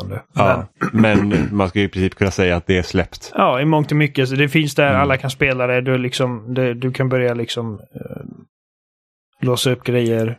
Eh, det är inte så Ja, liksom det vill säga när- multiplayer då, inte kampanjen. Om det är Precis. någon som har missat det. Eh, Men det, det är liksom ändå eh, vissa begränsningar liksom. Som just nu så, så har du ju bara du har typ tre playlists. Så det är två, två playlists för 4v4. En rankad och en orankad och sen en big team. Och Ja. eh, du kan inte välja att köra bara Slayer exempelvis. Eh, och eh, jag förmodar att detta är liksom för att dels eh, jag inte, bara liksom få in så många spelare som möjligt på samma liksom plats. Och även liksom få värdefull data på, på de olika liksom game modesen. Ehm, som folk kanske inte riktigt hade vågat spela annars. Mm. Jag är faktiskt väldigt förvånad över hur bra det funkade på en gång. Ja, vi laddar ner det och pang in på en match direkt. Inget liksom, Ja. inga serverproblem. Eh, det är alltså, det finns ju liksom små buggar. Jag har sett videos på YouTube med liksom typ ragdollar som typ går bananas och, och, och sådana grejer. Men jag, jag har inte märkt av någonting. Det, det, är liksom, det känns oerhört polerat redan nu. För, liksom, och det, alltså det spelar som en dröm. Jag tror, Ja, att, jag tror att den enda buggen jag har nu är att jag vill stänga av speedlines, vilket är sån här typ liksom streaks av liksom vitt ljus i princip som swishar förbi skärmen när du sprintar bara för att det är liksom det är en effekt som får det att ser ut som att du springer snabbare än vad du egentligen gör. Ja. Och jag vet att eh, det har varit lite distraherande för mig. Jag har sett andra spelare missta det för Gunfire så att de bara åh, vem är det som skjuter på mig? Och så märker de oj, det är ingen som skjuter på mig. Men varje gång jag startar om spelet så, så har det satts på igen. Trots att det är avstängt i menyn. Så jag måste gå in i menyn varje gång jag startar spelet och sätta på dem och stänga av dem igen. Uh, Men det, men det är liksom den enda buggen i spelet som jag, som jag har märkt av. ja, och det är jäkla skillnad liksom från Battlefield 2042 som vi också har testat. Mm. Där typ ingenting fungerar ordentligt. Alltså, nej, du kan söka match. Men sen så börjar man stöta på problem ganska snabbt. Ja, det är så här att det går typ inte, alltså jag var, i Battlefield så har jag varit med liksom så här att jag kan inte byta attachment på vapen, ibland liksom försvinner eh, möjligheten att spana. Ja. Eh, väldigt mycket rubberbanding redan i matcherna. Mm. Och typ när jag skulle mappa om kontrollen för att jag tycker inte om deras eh, fordonskontroller till exempel för att de, inte för att tidigare Battlefield så har det varit liksom så här att ah, men du gasar på höger trigger och eh, bromsar på vänster trigger som man kör liksom i ett, ett racingspel. Och sen så under årens gång så har den försökt mer byta ut till typ samma kontrollschema som i Halo. Att du liksom kör med eh, spaken, så här framåt Mm. gasar du bakåt. Och jag tycker inte det känns bra. Och förut har man bara kunnat liksom välja sig, ja men jag kör legacy-kontrollerna så byter det automatiskt. Men Battlefield 2042s legacy-kontroller gör inte det. Det. Det är liksom, jag vet inte vilken legacy de tar ifrån, om det är typ Battlefield 4 där de introducerar den eh, sortens styrning eller om det är typ Battlefield 1. Eh, och då ska jag börja mappa om liksom ett eget kontrollschema. Och då säger jag så här, ja men jag vill skjuta på LB till exempel. Men LB är också samma knapp du byter i menyerna. Och tanken är då att när du går in på kontrollmapping, så här, nu vill jag mappa om LB. Då ska jag kunna trycka på liksom att vad gör en, eller nu vill jag mappa om eh, skjuta. Och då ska jag så här, tryck på den knappen du vill använda skjutning till och så trycker jag på LB och då byter den flik istället. Ja. Och det blir inte assignat till någonting. Man säger bara, alltså hur är det möjligt att vad jag än försöker göra i det här spelet så funkar det inte. Eh, så det gör ju liksom att jag tror jag spelar en och en halv timme på den här 10 timmars provperioden och jag säger att jag har ingen lust att fortsätta förrän för- liksom spelet är klart. Jag spelade betan och var inte imponerad. Och sen så eh, skrev jag till dig och frågade dig, alltså kommer du skaffa det på release? Eh, du bara, ja, ja, ifall du gör det så börjar jag bara, mm, ja det är lite dyrt, det kostar 850 spänn. Ehm, men okej, ja, men vi kör. Och sen så kommer den här trial-versionen som jag spelar lite med Adam och Kristoffer. Och jag bara, hur ska jag säga till Jimmy att jag vägrar köpa det här spelet? Um, bara hoppas han inte blir besviken. Men det är alltså... Varenda match jag körde så var det liksom något nytt problem som bara förstörde för mig en gång så... Som sagt, vi kom in i matchen. Och jag såg på kartan liksom att det finns spelare på kartan och eh, springer runt. Men spelet lät inte oss spana. Eh, Nej. en annan match var samma som du, att man inte kunde byta attachments. Man håller inne LB så får man upp liksom en meny där det visar typ vilka grejer man har på. Ja. En annan gång så dog jag. Eh, men spelet vägrar låta mig respawna. Um, rubberbanding som in i helvete som du nämnde, liksom att man typ bara flyger fram och tillbaka över fältet. Ehm. och sen även liksom de typ få matcher jag körde. Jag körde mer än en timme, jag körde en hel kväll. Men de få matcher där jag inte hade några liksom enorma problem. Så var det ändå bara, jag har inte roligt med detta, ärligt talat. Ja, Det är sånt. Det är så märkligt. Jag, många av designbesluten tycker jag är så himla märkligt. Jag tycker hela den här liksom specialist-grejen tycker jag liksom, det, det rimmar dåligt med serien. det, det är förmodligen... Försöker tänka nu innan jag säger något dumt, men... Jag vill säga att det är den sämsta idén som någonsin implementerats i ett Battlefield-spel.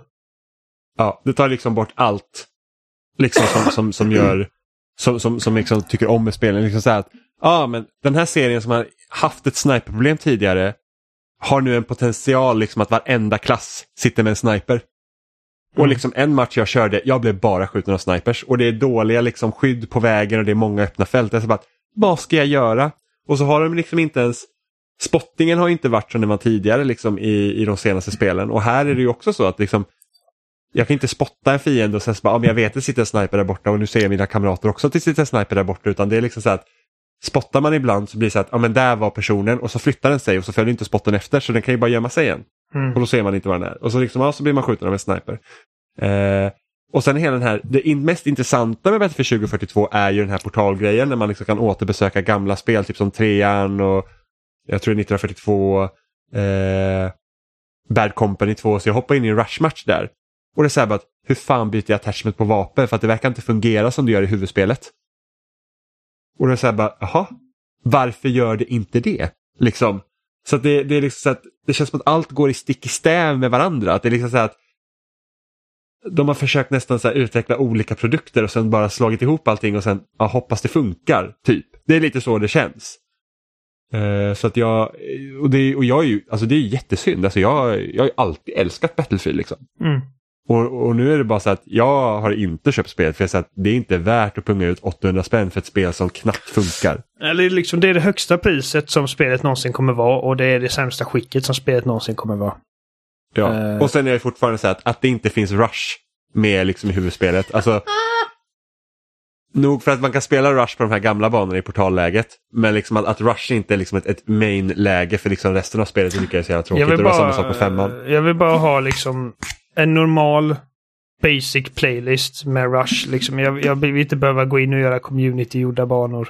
Jag vill säga eh, Nej, lägen. men precis med, med olika regler som kanske inte är det man exakt typ som, spela. ja, det är sådär. 19, så här, andra världskrigssoldater mot futuristiska... Uh, bara det där låter så jävla osexigt för mig.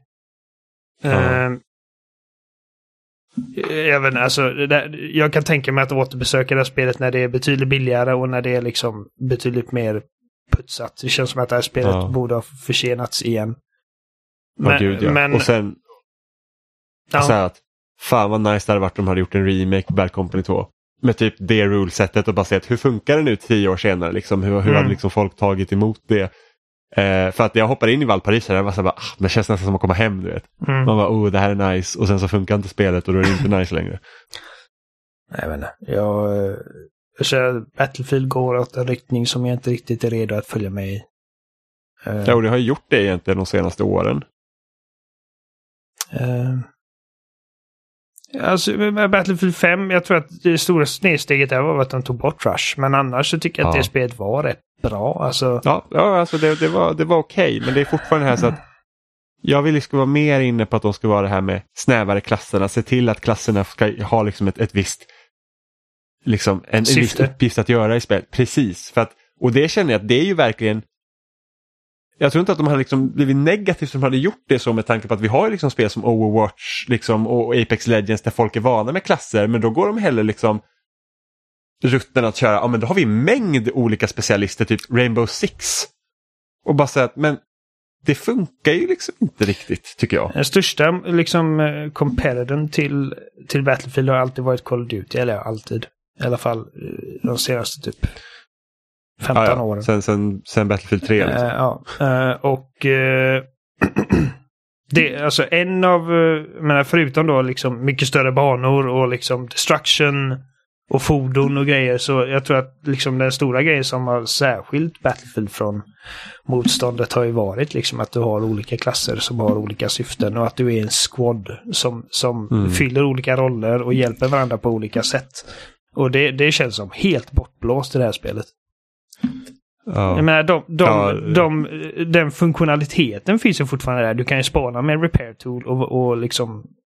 Men samtidigt liksom att ingen kan identifiera dig som någon som kan... Eh, Reparera det. nej. Och eh, det bara känns... Värd, liksom, eh, Battlefield har aldrig känts spretigare och mindre fokuserat och... Äh, Alltså det, det, det är synd. Jag tycker att... Uh... nej usch. Usch. Ja. Ja, Det känns som, kommer du ihåg i, i Modern Warfare från 2019 när de hade det här typ stora läget också skulle vara så här. Det var stora lag på en jättestor bana och det var liksom helt kaos. Mm. Och det var inte kul. Ungefär så känns det. är liksom samma känsla jag har när jag spelar 2042. Det är, så här, det är kaos, det är stort, det är inte kul. Det känns som att det här året är det året som både Battlefield och Call of Duty släpps och liksom misslyckas att nå upp till de liksom selfie-siffror som, som jag tror att de utgivarna vill ha. Jag, vet, Ja. jag läste någon artikel om att Vanguard Call of Duty ehm, att det liksom har droppat i försäljning med 40 sedan förra året. Eh, Ja. och eh, jag kan inte tänka mig att eh, Battlefield eh, 2042 kommer liksom slå några försäljningsrekord för den serien heller. Nej. Och det är Sen liksom tror det jag lite typ- att COD har skjutit sig Alltså COD har skjutit sig lite själva i foten de har Warzone. Det är liksom så att Ja. det är ditt Call of Duty nu. Ja. Eh, och sen har vi de här två liksom spelen som, som känns lite som liksom mera samma och är liksom typ skuggor av sina forna jag. Och släpps. Nu vet jag inte Call of Duty. Call of Duty kanske är liksom är perfekt fungerande men ta Battlefield som liksom är liksom trasigt på sina ställen. Och släpps till här typ extremt höga priserna och sen har vi liksom Halo som kommer free to play. Och bara fungerar exakt som det ska, ride, ride out of the gate. Ja. Och eh, slår alla tänkbara rekord. Alltså det är... Kul för Halo. Ja men det är det. Alltså det, det känner jag riktigt. Jag vet att du, både du och jag var ju liksom oroliga efter Halo 5. Liksom så här, vilken riktning kan de ta liksom multiplayer nu? För att vi gillar Halo 5 väldigt mycket. Ja, extremt Eh, mycket. och jag skulle väl redan säga initialt egentligen att jag tycker om liksom riktningen på Halo 5 mer än vi gör i Infinite. Med det sagt så säger jag inte liksom att Infinite är dåligt. Det är också jättebra, det är bara lite annorlunda. Eh, men där liksom Halo 5 kände jag så att det här känns liksom som Halo om det hade gjorts idag då när det släpptes 2015. Eh, att man liksom moderniserade serien men det kändes fortfarande som Halo. Medans Halo Infinite känns som uppföljaren till Halo 3. Mm. Eh, och det är liksom nu när vi har spelat så mycket liksom Master Chief Collection och Halo 5 liksom om vartannat så liksom, jag tror att det här det har gjort det lättare för mig liksom att, att, att komma in i den riktning som Infinite tar än om vi liksom bara hade spelat Halo 5 och sen går liksom mot Infinite. Ehm, och nu när vi liksom inte har liksom tid att spela lika mycket som tidigare så är det också skönt att ha ett gameplay som kanske inte är lika snabbt. För det gör att liksom, det tar inte mig typ tio timmar att komma in i det igen utan det kan ta några matcher och sen är man liksom med på, på banan. Ehm, så att jag, det känns, alltså, det känns väldigt bra. Det känns extremt bra. Uh, alltså, 343 är extremt duktiga på gunplay. Och uh, mm. liksom bara tillfredsställande liksom feedbacken och när man får en kill och får den här liksom typ uh, lilla ljudeffekten. och hur vapnet känns och hur liksom sandlådan typ består av alla dessa liksom beståndsdelar som tillsammans bildar en enhet som, som inte går att liksom replikera i andra spelserier riktigt. Um... Mm. Ja precis, för de lyckas ju verkligen liksom gräva ur sin egen nisch och ska man jämföra till exempel med Battlefield där det känns som att de jagar redan existerande trender så känns det liksom som att 343 har varit så här, men vad är Halo nu? Precis. Liksom, Halo behöver liksom inte vara kod för att vi har kod redan. För liksom de, de som med... spelar Call of...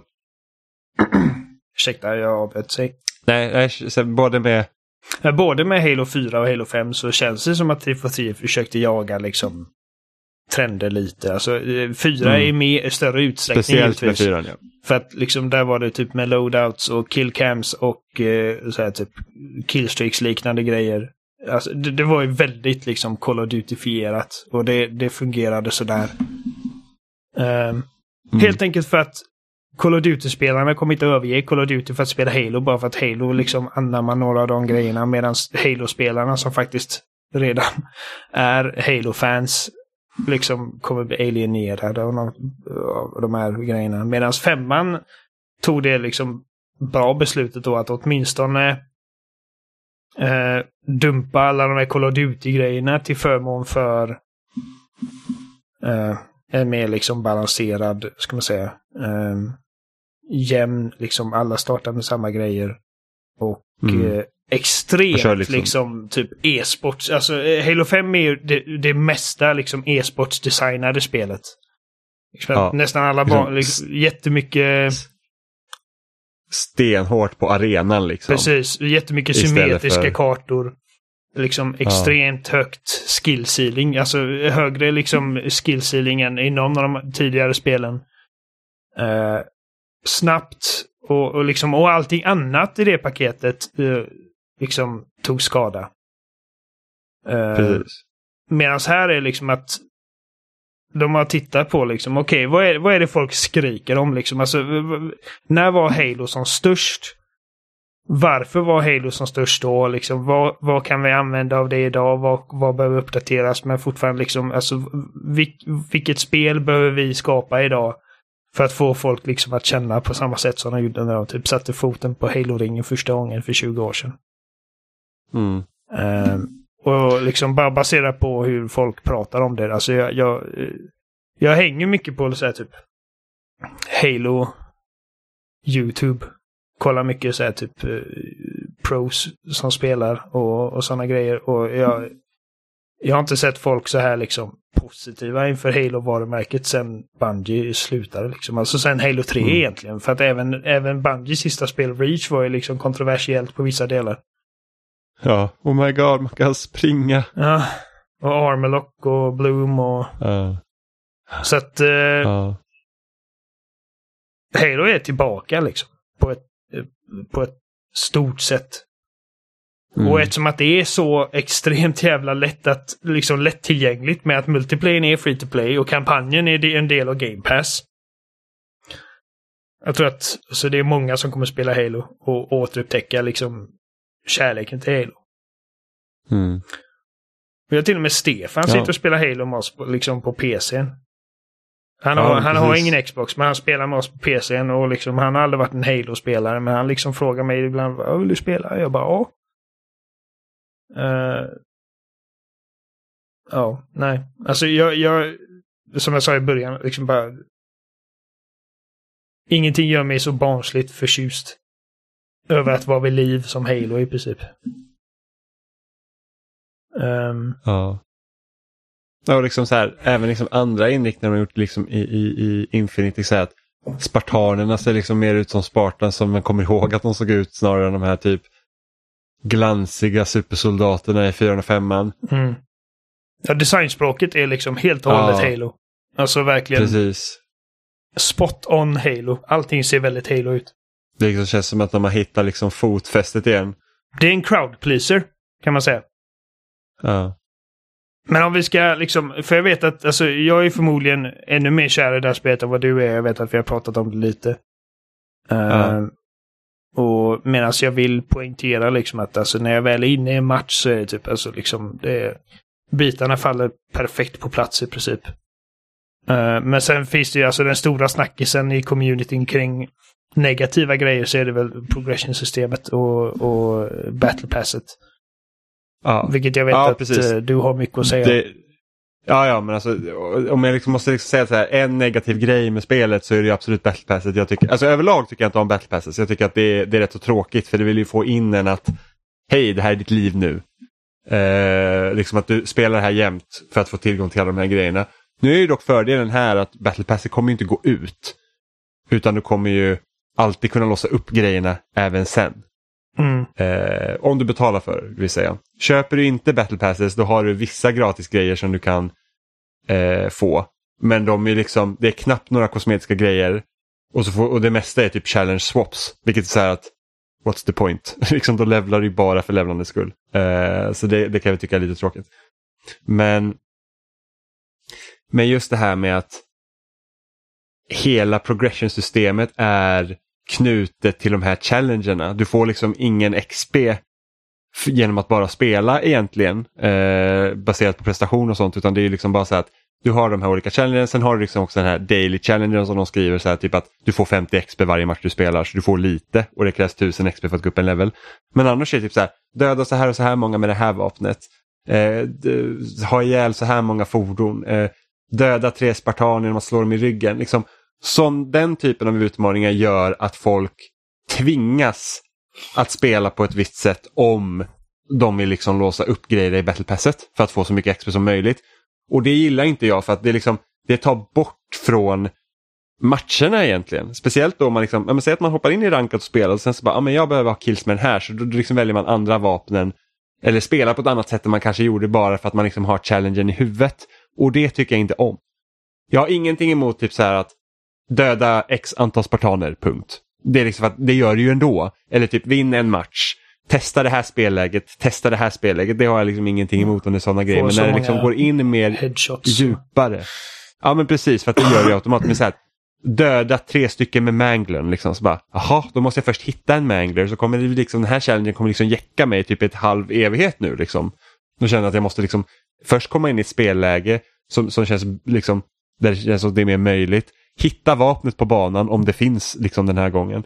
Eh, så att det liksom blir massa så här extra fluff bara för att liksom låsa upp grejer i, i, i battlepasset. Och sen så har de liksom också gjort så här att Alltså man ser ju liksom i skarvarna vart de liksom har gjort för att det ska ta så lång tid som möjligt. Liksom bara för att du ska vara engagerad i produkten. Eh, det här med typ att ah, men nu låser du upp den vänstra axelpadden i ett par. Och nästa level så får du nästa axelpadd som är likadan fast på andra sidan. Och det är så här att ja, det är ju inte roligt. Eller att de har typ så här Spartanerna har liksom typ som en kårdräkt nu som har specifika delar till sig vilket gör att du då kan för varje kårdräkt så kan du liksom ha ta visiren som exempel. Så att låser du upp så här, det guldvisiret, ja men då är det till den kårdräkten, inte till den andra. Så du kan inte mixa och matcha mellan varandra vilket gör också att, så här, att ja, men potentiellt sett säga att om ett år så finns det tio stycken kårdräkter. Då kan du låsa upp tio stycken likadana visir. Bara för att ha saker att låsa upp. Eh, och det tycker jag också är tråkigt. För det är liksom så här att det roligaste är ju liksom att jag kan mixa och matcha som jag vill såklart. Men liksom att låsa, så jag låste upp ett nytt visir igår och bara så ja ah, men det här vill jag använda på min Spartan. Så bara, ja ah, men jag använder inte den dräkten. Jag använder en annan dräkt. Och då kan jag inte använda det visiret. Så att det är liksom så här att ah, det tar från upplevelsen tycker jag. Eh, rent alltså om man inte tänker då att det är kul att spela Halo och skjuta folk. Men att så här att när man ska liksom uttrycka sig och visa sin Spartan. Och det finns ju liksom väldigt lite möjligheter i början också vilket gör att alla kommer se likadana ut en ganska lång tid framöver om man då inte köper Alltså betala pengar för de grejerna som finns i shoppen eller att man köpte det här lite dyrare battle passet som man går upp 25 levlar på en gång.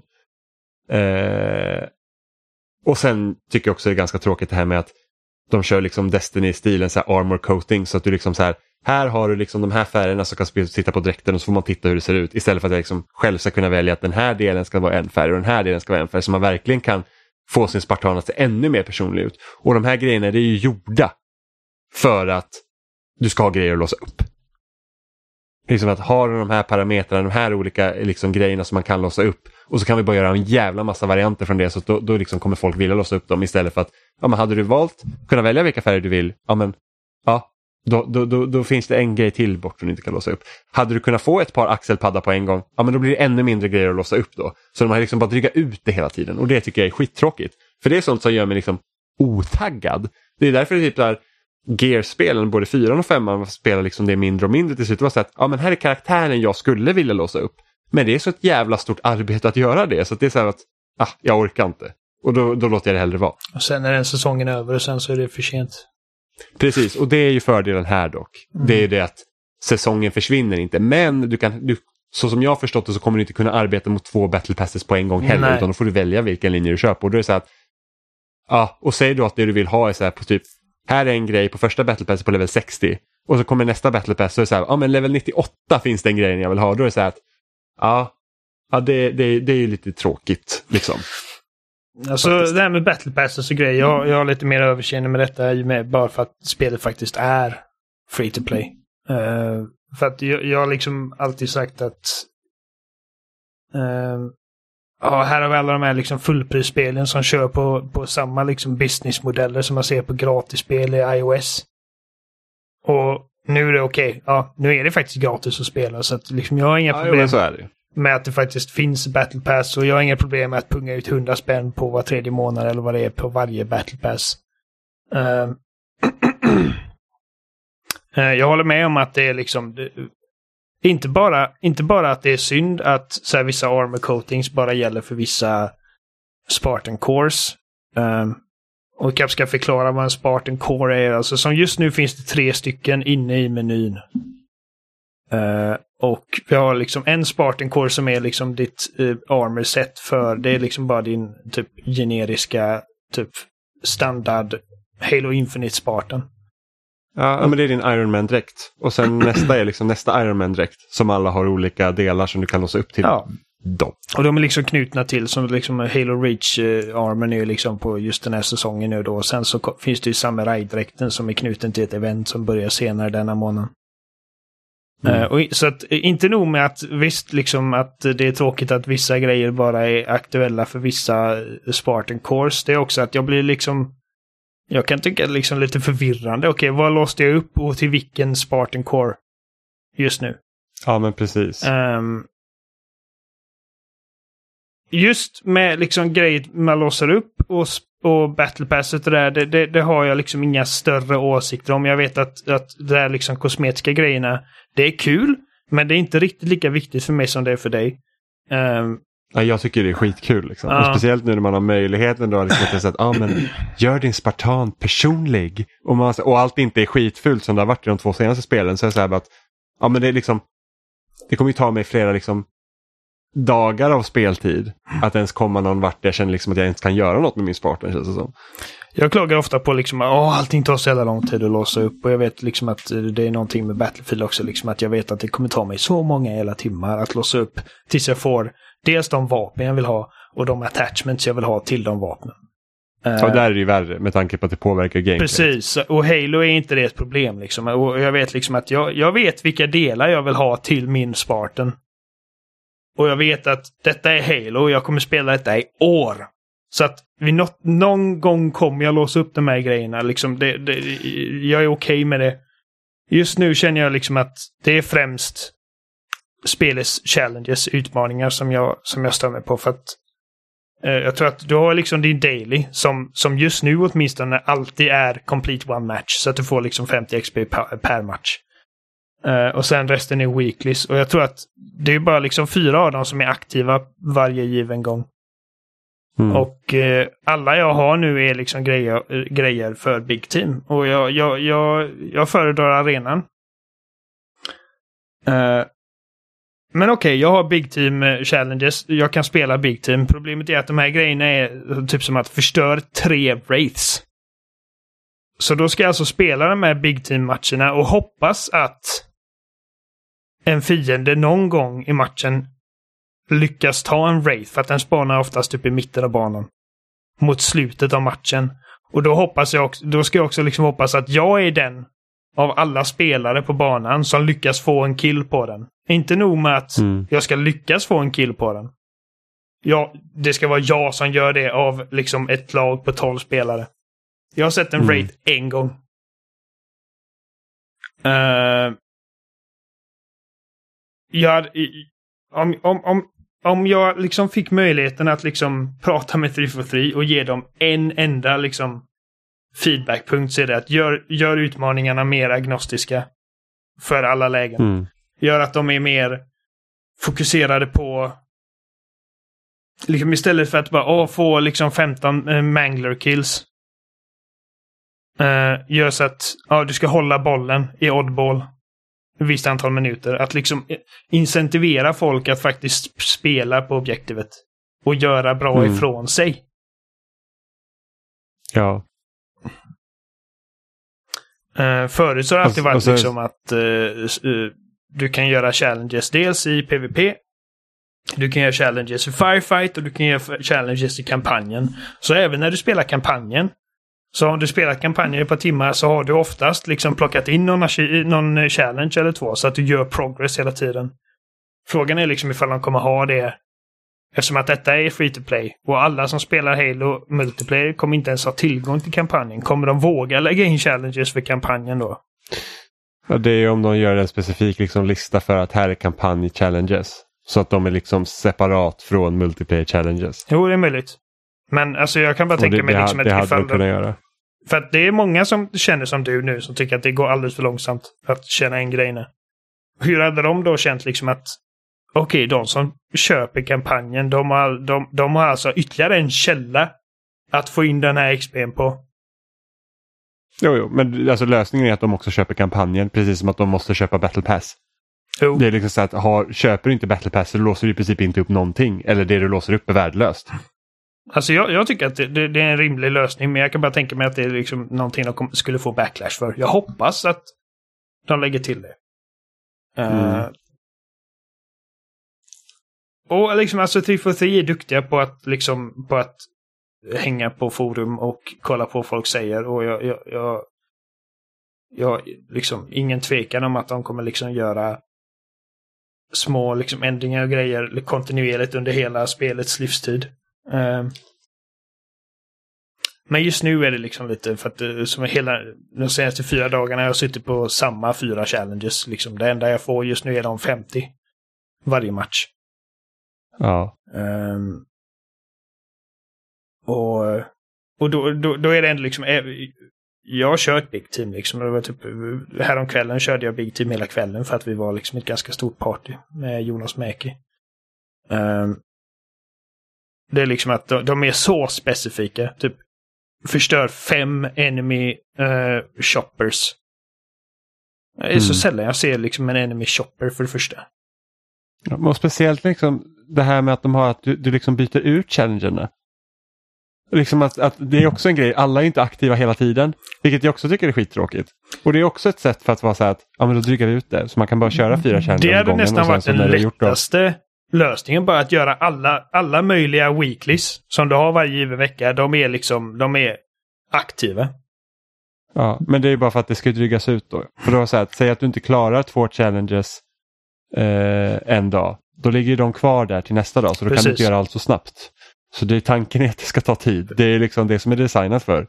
Så att, eh, men i Master Collection ja. så har du ju liksom, du har ju massa challenges som går att göra varje given vecka. Ja. Uh, så att, ja nej men det är... Men alltså att de är ju rädda för att folk ska liksom blåsa igenom Battle Pass så fort och sen så bara, det finns inget att göra. Ja, särskilt med att de har typ förlängt just den här första säsongen till maj. Så att liksom det som ja. var menat att det var tre månader har blivit nästan fem månader. Ja. Eh, och jag vet att eh, alltså, de känner väl att alltså, vi, kan inte, vi kan inte ha det så att, liksom, att vissa spelare typ låser upp allt som finns i spelet första månaden. Eh, vilket jag sympatiserar med, men, men Men jag vet inte, alltså, ibland känner jag bara, men låt dem göra det då. Liksom. Ja, e- eller bara gör så här så att är ni så rädda att de liksom är så här, lås, alltså ha så här att del ett av Battle Pass är de första typ två månaderna och sen så låser du upp nästa levels, liksom 50 levels typ de två sista månaderna eller någonting sånt. Men det är också liksom konstigt. Alltså, jag känner också det att majoriteten kommer inte blåsa igenom Battle Passet. Nej. Men det är väl de som är mest högljudda sen antar jag. Så att jag har spelat liksom varje kväll åtminstone ett par timmar. Eh, oftast mer än ett par timmar. Den här veckan nu då. Och eh, jag är level 14 nu. Ja. Vi fick en boost i och med att de resetade alla weeklies så att jag kunde göra de här lätta igen. Ja. Eh, för att implementera den här liksom hotfixen de hade. Mm. Men alltså just nu ser jag bara fram emot att, för att eh, liksom alla banor inte ens på plats än märkte jag. Jag tror att liksom det släpptes måndagen på onsdagen eller om det var torsdagen så fanns det en ny bana, ett nytt läge. Så att eh, liksom allt som multiplane har att erbjuda är inte på plats, vilket tycker, jag tycker är spännande för jag tycker det är lite skralt. Liksom, typ, vad är det, tre eller högst fyra Big Ten-banor. Mm. Och fem kanske arenabanor. Sex nu då med den andra.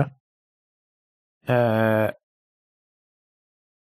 så att det är skönt att veta liksom att, eh, eller jag förmodar att allting inte är på plats. Och sen ser jag också fram emot eh, att liksom alla playlists och grejer ska låsas upp. För att just nu så när man kör rankat så finns det inget sätt att liksom att se till att man inte hamnar med folk som spelar mus och tangentbord. Uh, och sen så är det så här att spelar man själv till exempel så kanske man inte liksom vill hoppa in i Capture Flag precis. eller Oddball. Ja, utan precis. man bara säger jag vill liksom, spela Slayer eller typ SWAT jag, som inte finns inne än jag, men jag antar att det kommer. Jag har inget team just nu men jag vill ändå spela Halo för att fucking Halo. Uh, men att köra liksom någon av de här liksom riktiga typ alltså samarbetskrävande spellägena som Oddball eller, eller Capture the Flag själv. Uh, det kan vara frustrerande, alltså. Det kan vara riktigt frustrerande. Mm. Um, så att... Uh, nej, men vi har, vi, har, vi har fortfarande grejer att se fram emot. Ja, ja nej, men jag, som sagt, även om jag liksom så här, vissa grejer för med Halo 5 så är det liksom inte, det känns inte som att det är så här katastrof över att de har en annan inriktning utan det känns liksom bra. Nej, nej jag har kommit till liksom, Mm. jag, I made my peace with it, så att säga. Ja, ja. Nej. och sen sam, samtidigt så att Halo 5 är så pass krävande att det krävs ju att man då spelar det mycket mer än liksom Ja, det här ja, tror jag för att man ska hänga med. Jag känner mig ganska nöjd med att liksom pensionera Halo 5 nu för att liksom nu när man spelar så är det sällsynt att man möter folk som inte är liksom det crème de la crème och verkligen äger det. Nej. Och vissa Äh. av oss blir alltid så högt rankad när man kört alla sina rankningsmatcher så att man är fast med de där äckel Ja, som är så jävla bra. Och man själv harvar där egentligen bara jag borde möta silvermänniskor. jag ber om ursäkt för att jag är så bra. Ja, det, det borde du göra. Ehm, och kampanjen ser väldigt lovande ut. Jag, alltså, jag, har hört, alltså, jag har hört riktigt bra grejer. Jag vet att liksom en grej som var väldigt betryggande för mig var Digital Foundries video. Där han säger liksom att jag befarade liksom det värsta men jag kan liksom säga med typ extrem lättnad att det inte är ett Far Cry-spel. Det är liksom, alltså det är Halo through Ja. and through. Och det Ja, vad bra för det var man ju mest orolig för. ja. Liksom att, här, att den här öppna liksom, ytan de har liksom designat nu bara fylls med skit. Precis. Det, det, det var liksom mardrömsscenariot. Liksom att ja, här har vi typ en Halo-ring.